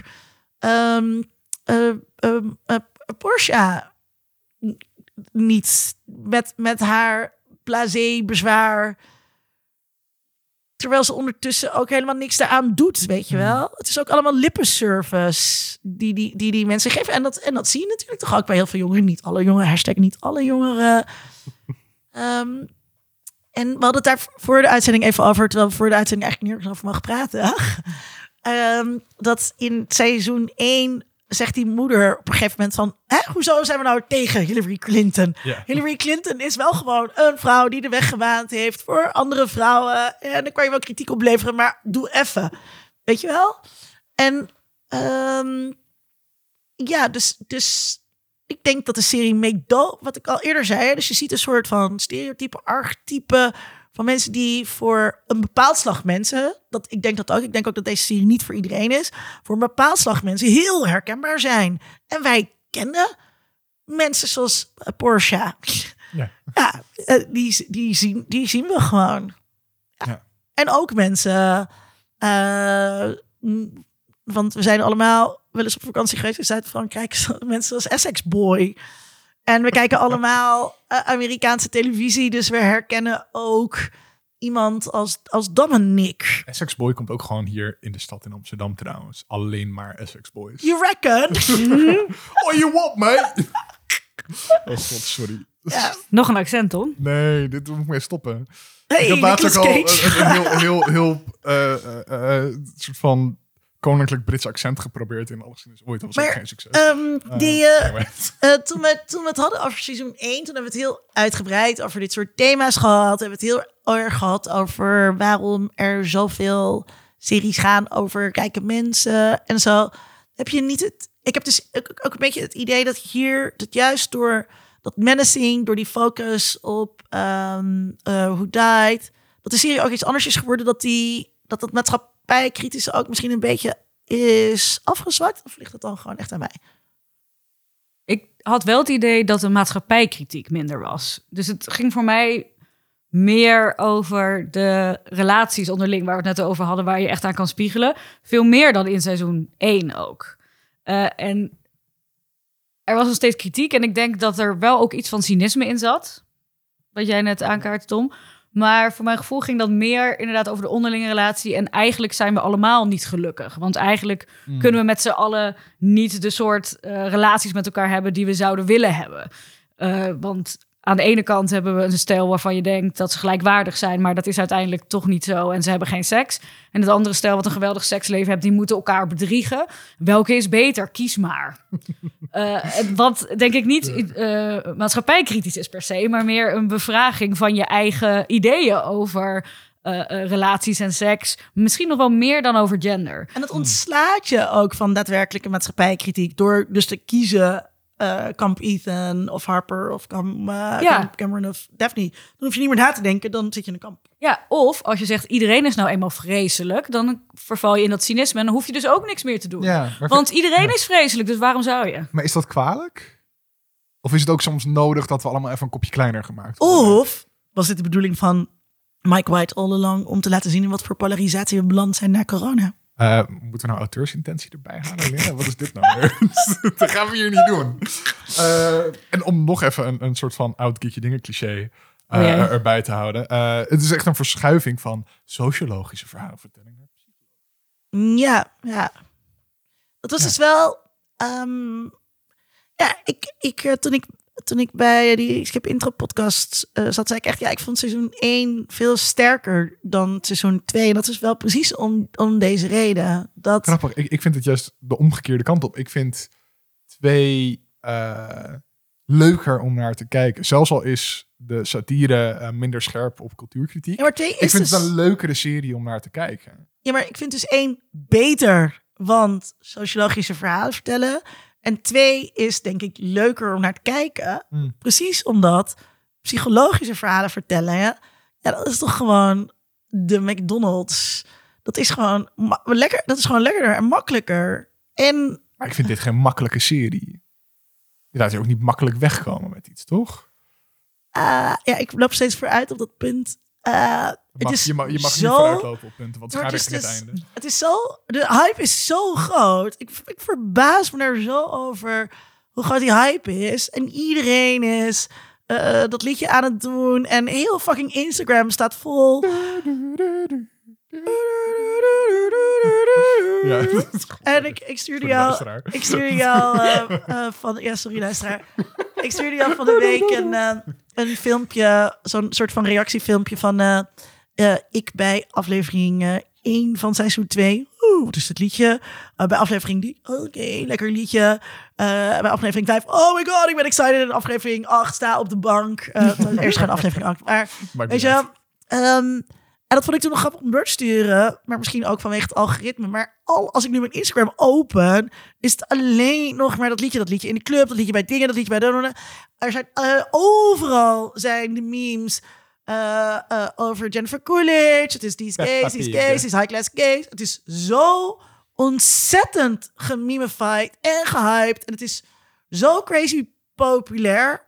Ook echt, daadwerkelijk heeft iedereen in mijn omgeving het nu gezien. Terwijl dat bij seizoen 1 was het echt nog een beetje obscuur. En dan klink ik echt een beetje als een soort van... eh, Ik keek het voor dat het cool was. ja, ehm, Hipster maar het punt dat ik hier ging maken was... eh, dat ik dus denk inderdaad seizoen 2 is makkelijker vanwege die psychologische Hmm. eh, storytelling... in plaats van die sociologische storytelling. Het, eh, of wat Iris net zei, het nodigt ons uit om positie te kiezen voor ofwel Harper en Ethan, ofwel Daphne en Cameron, zonder dus na te denken over wat het überhaupt betekent dat dit alle twee eh, bros zijn eh, uit het, uit het eh, kapitalisme, dat dit alle twee vrouwen zijn die, daar, die daaraan medeplichtig zijn, of Harper nou wil of niet. Ze kan zo vaak de New Yorker lezen. Dat maakt niet uit. Zij, zij speelt dit systeem. en zij, speelt, zij speelt weer mee. Zij zit daar in de White. En al die dingen hoef je dus niet af te vragen. Terwijl je bij seizoen 1 daar wel echt veel meer mee geconfronteerd wordt. Bijvoorbeeld in die relatie tussen eh, die dochter en eh, de vriendin die zij meeneemt. En die krijgen dan op een gegeven moment ruzie eh, over wat ze elkaar vertellen. Er zit uiteraard een jongen in het spel. Maar dan blijkt heel duidelijk dat die dochter ehm, gewoon ja, een beetje cool meeliep te doen. Maar uit, uiteindelijk gewoon behoort tot een rijk gezin waar haar vriendin buiten staat. En Ja, en dat, dat is- ook... Het is voor haar zonder consequenties. Zij kan dit doen. Heel duidelijk zonder consequenties. En Ja. het is voor die vriendin die iets afschuwelijks doet, uiteindelijk ook zonder, zonder consequenties. Omdat zij meeleeft op, Ja. eh, op, dat, op dat witte privilege van die familie. Terwijl ze zich daar heel erg tegen afzet. Wat ook een soort van, misschien ondankbaar is. Maar ehm, dat zijn allemaal, en dat wat jij zei van dat cringe. Dat is allemaal veel pijnlijker, moeilijker Hmm. om naar te kijken. Dan Ja. naar deze eh, geinige, who died, woe, these gays. Het is, dit is veel meer publieks, eh, publieks plezierder Mhm. dan seizoen 1. ja. En ik had daar nog niet aan gedacht, maar ik denk wat jij zegt, ja, die verschuiving van sociologische storytelling naar psychologische storytelling. Waarom vroeg je dit eigenlijk? Wat, wat waren je eigen ideeën daarbij? Oh, met, met sociologisch psycholoog? Nou, dat, dat, die, dat die verschuiving er echt wel in zit. Al denk ik niet dat dat sociologische weg is. Ik denk niet dat er zo'n harde breuk is als jij denkt. Om... Nee, ik denk er niet zo hard, want, want Nee, ik nee, zie dus ook heel veel parallellen. Ja. Maar Ik, ik- Komen we Ja. toch weer op het verschil tussen seizoen 1 en 2 waar ik mee begon. Ja, dat ik ja, net twee verschillende wel. dingen heb zitten kijken. ja, maar ik, ik heb dat dan toch...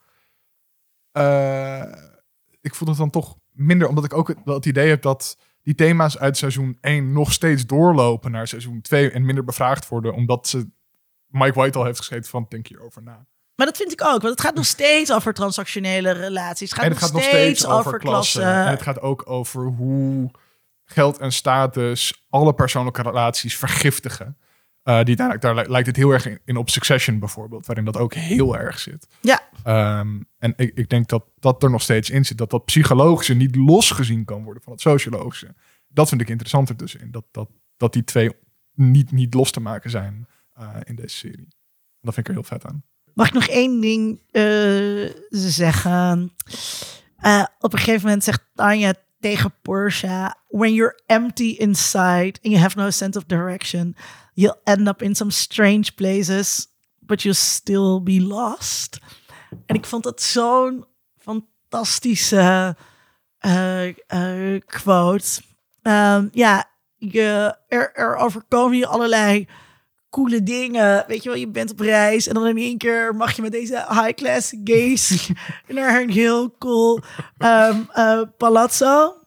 You'll end up in some strange places, but you'll still eh, be lost. En dat, eh, en En dat dus zie je daar heel terug in ieder geval.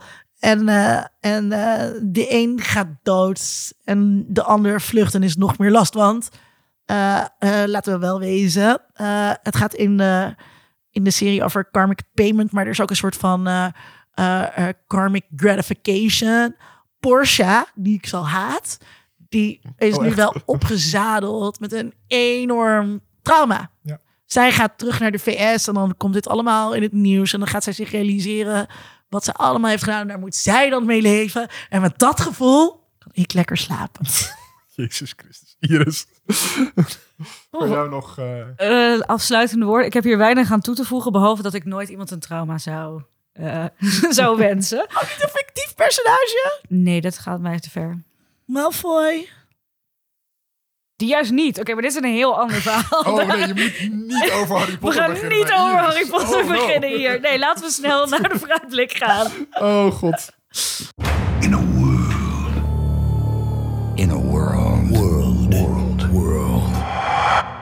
In a world. De vooruitblik, Iris.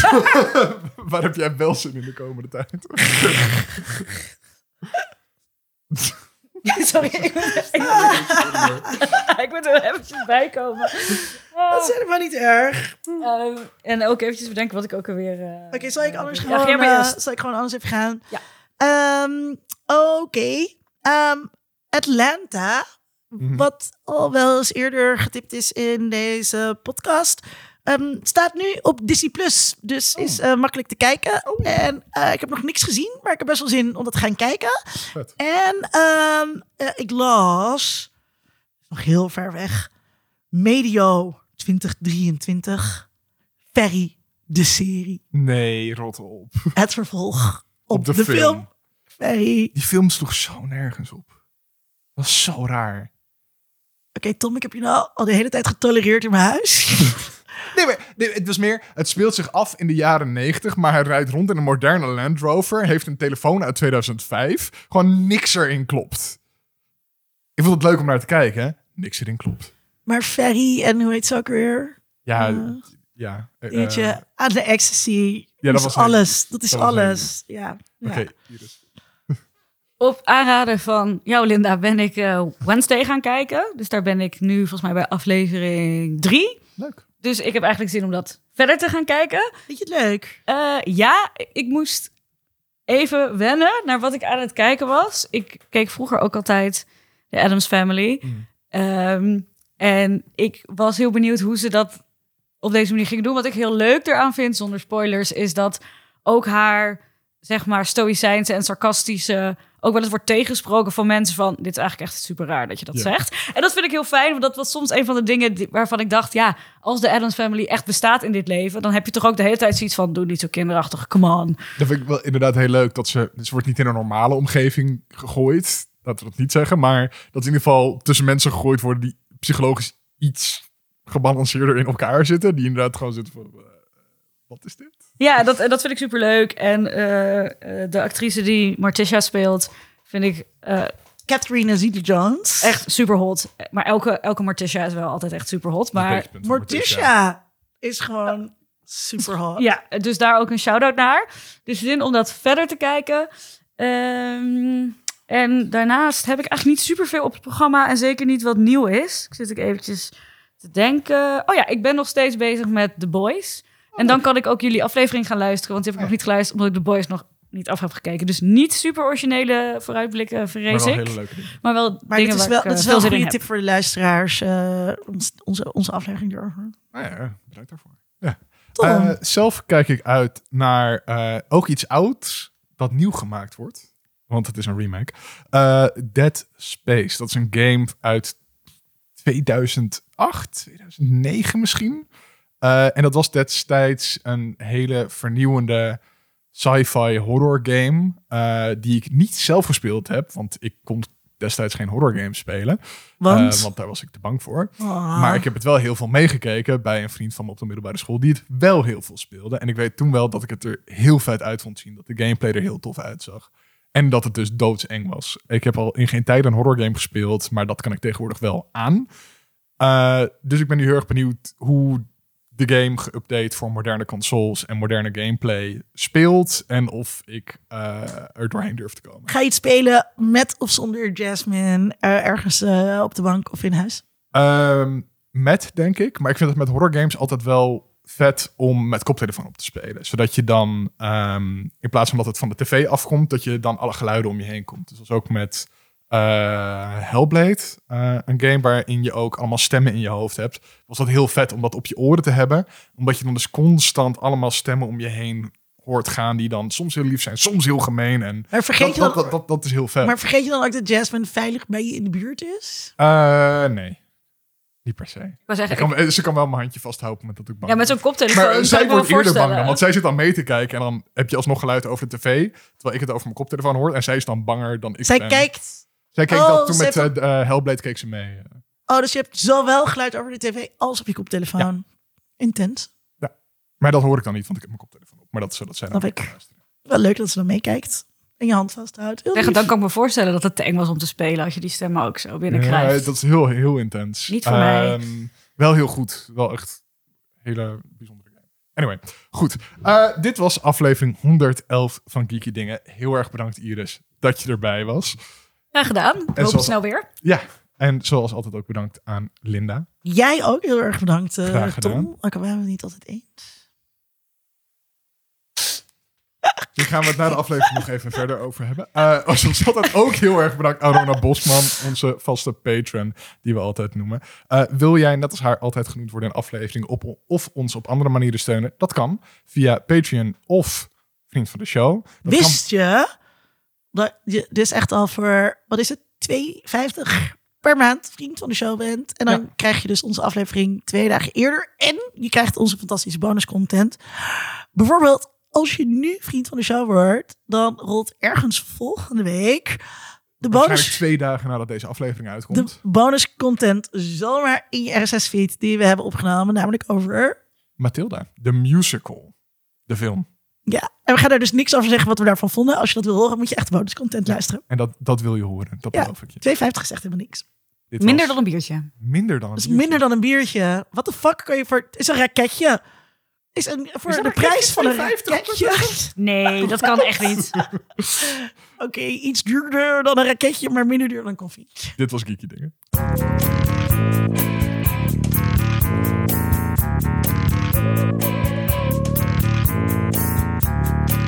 you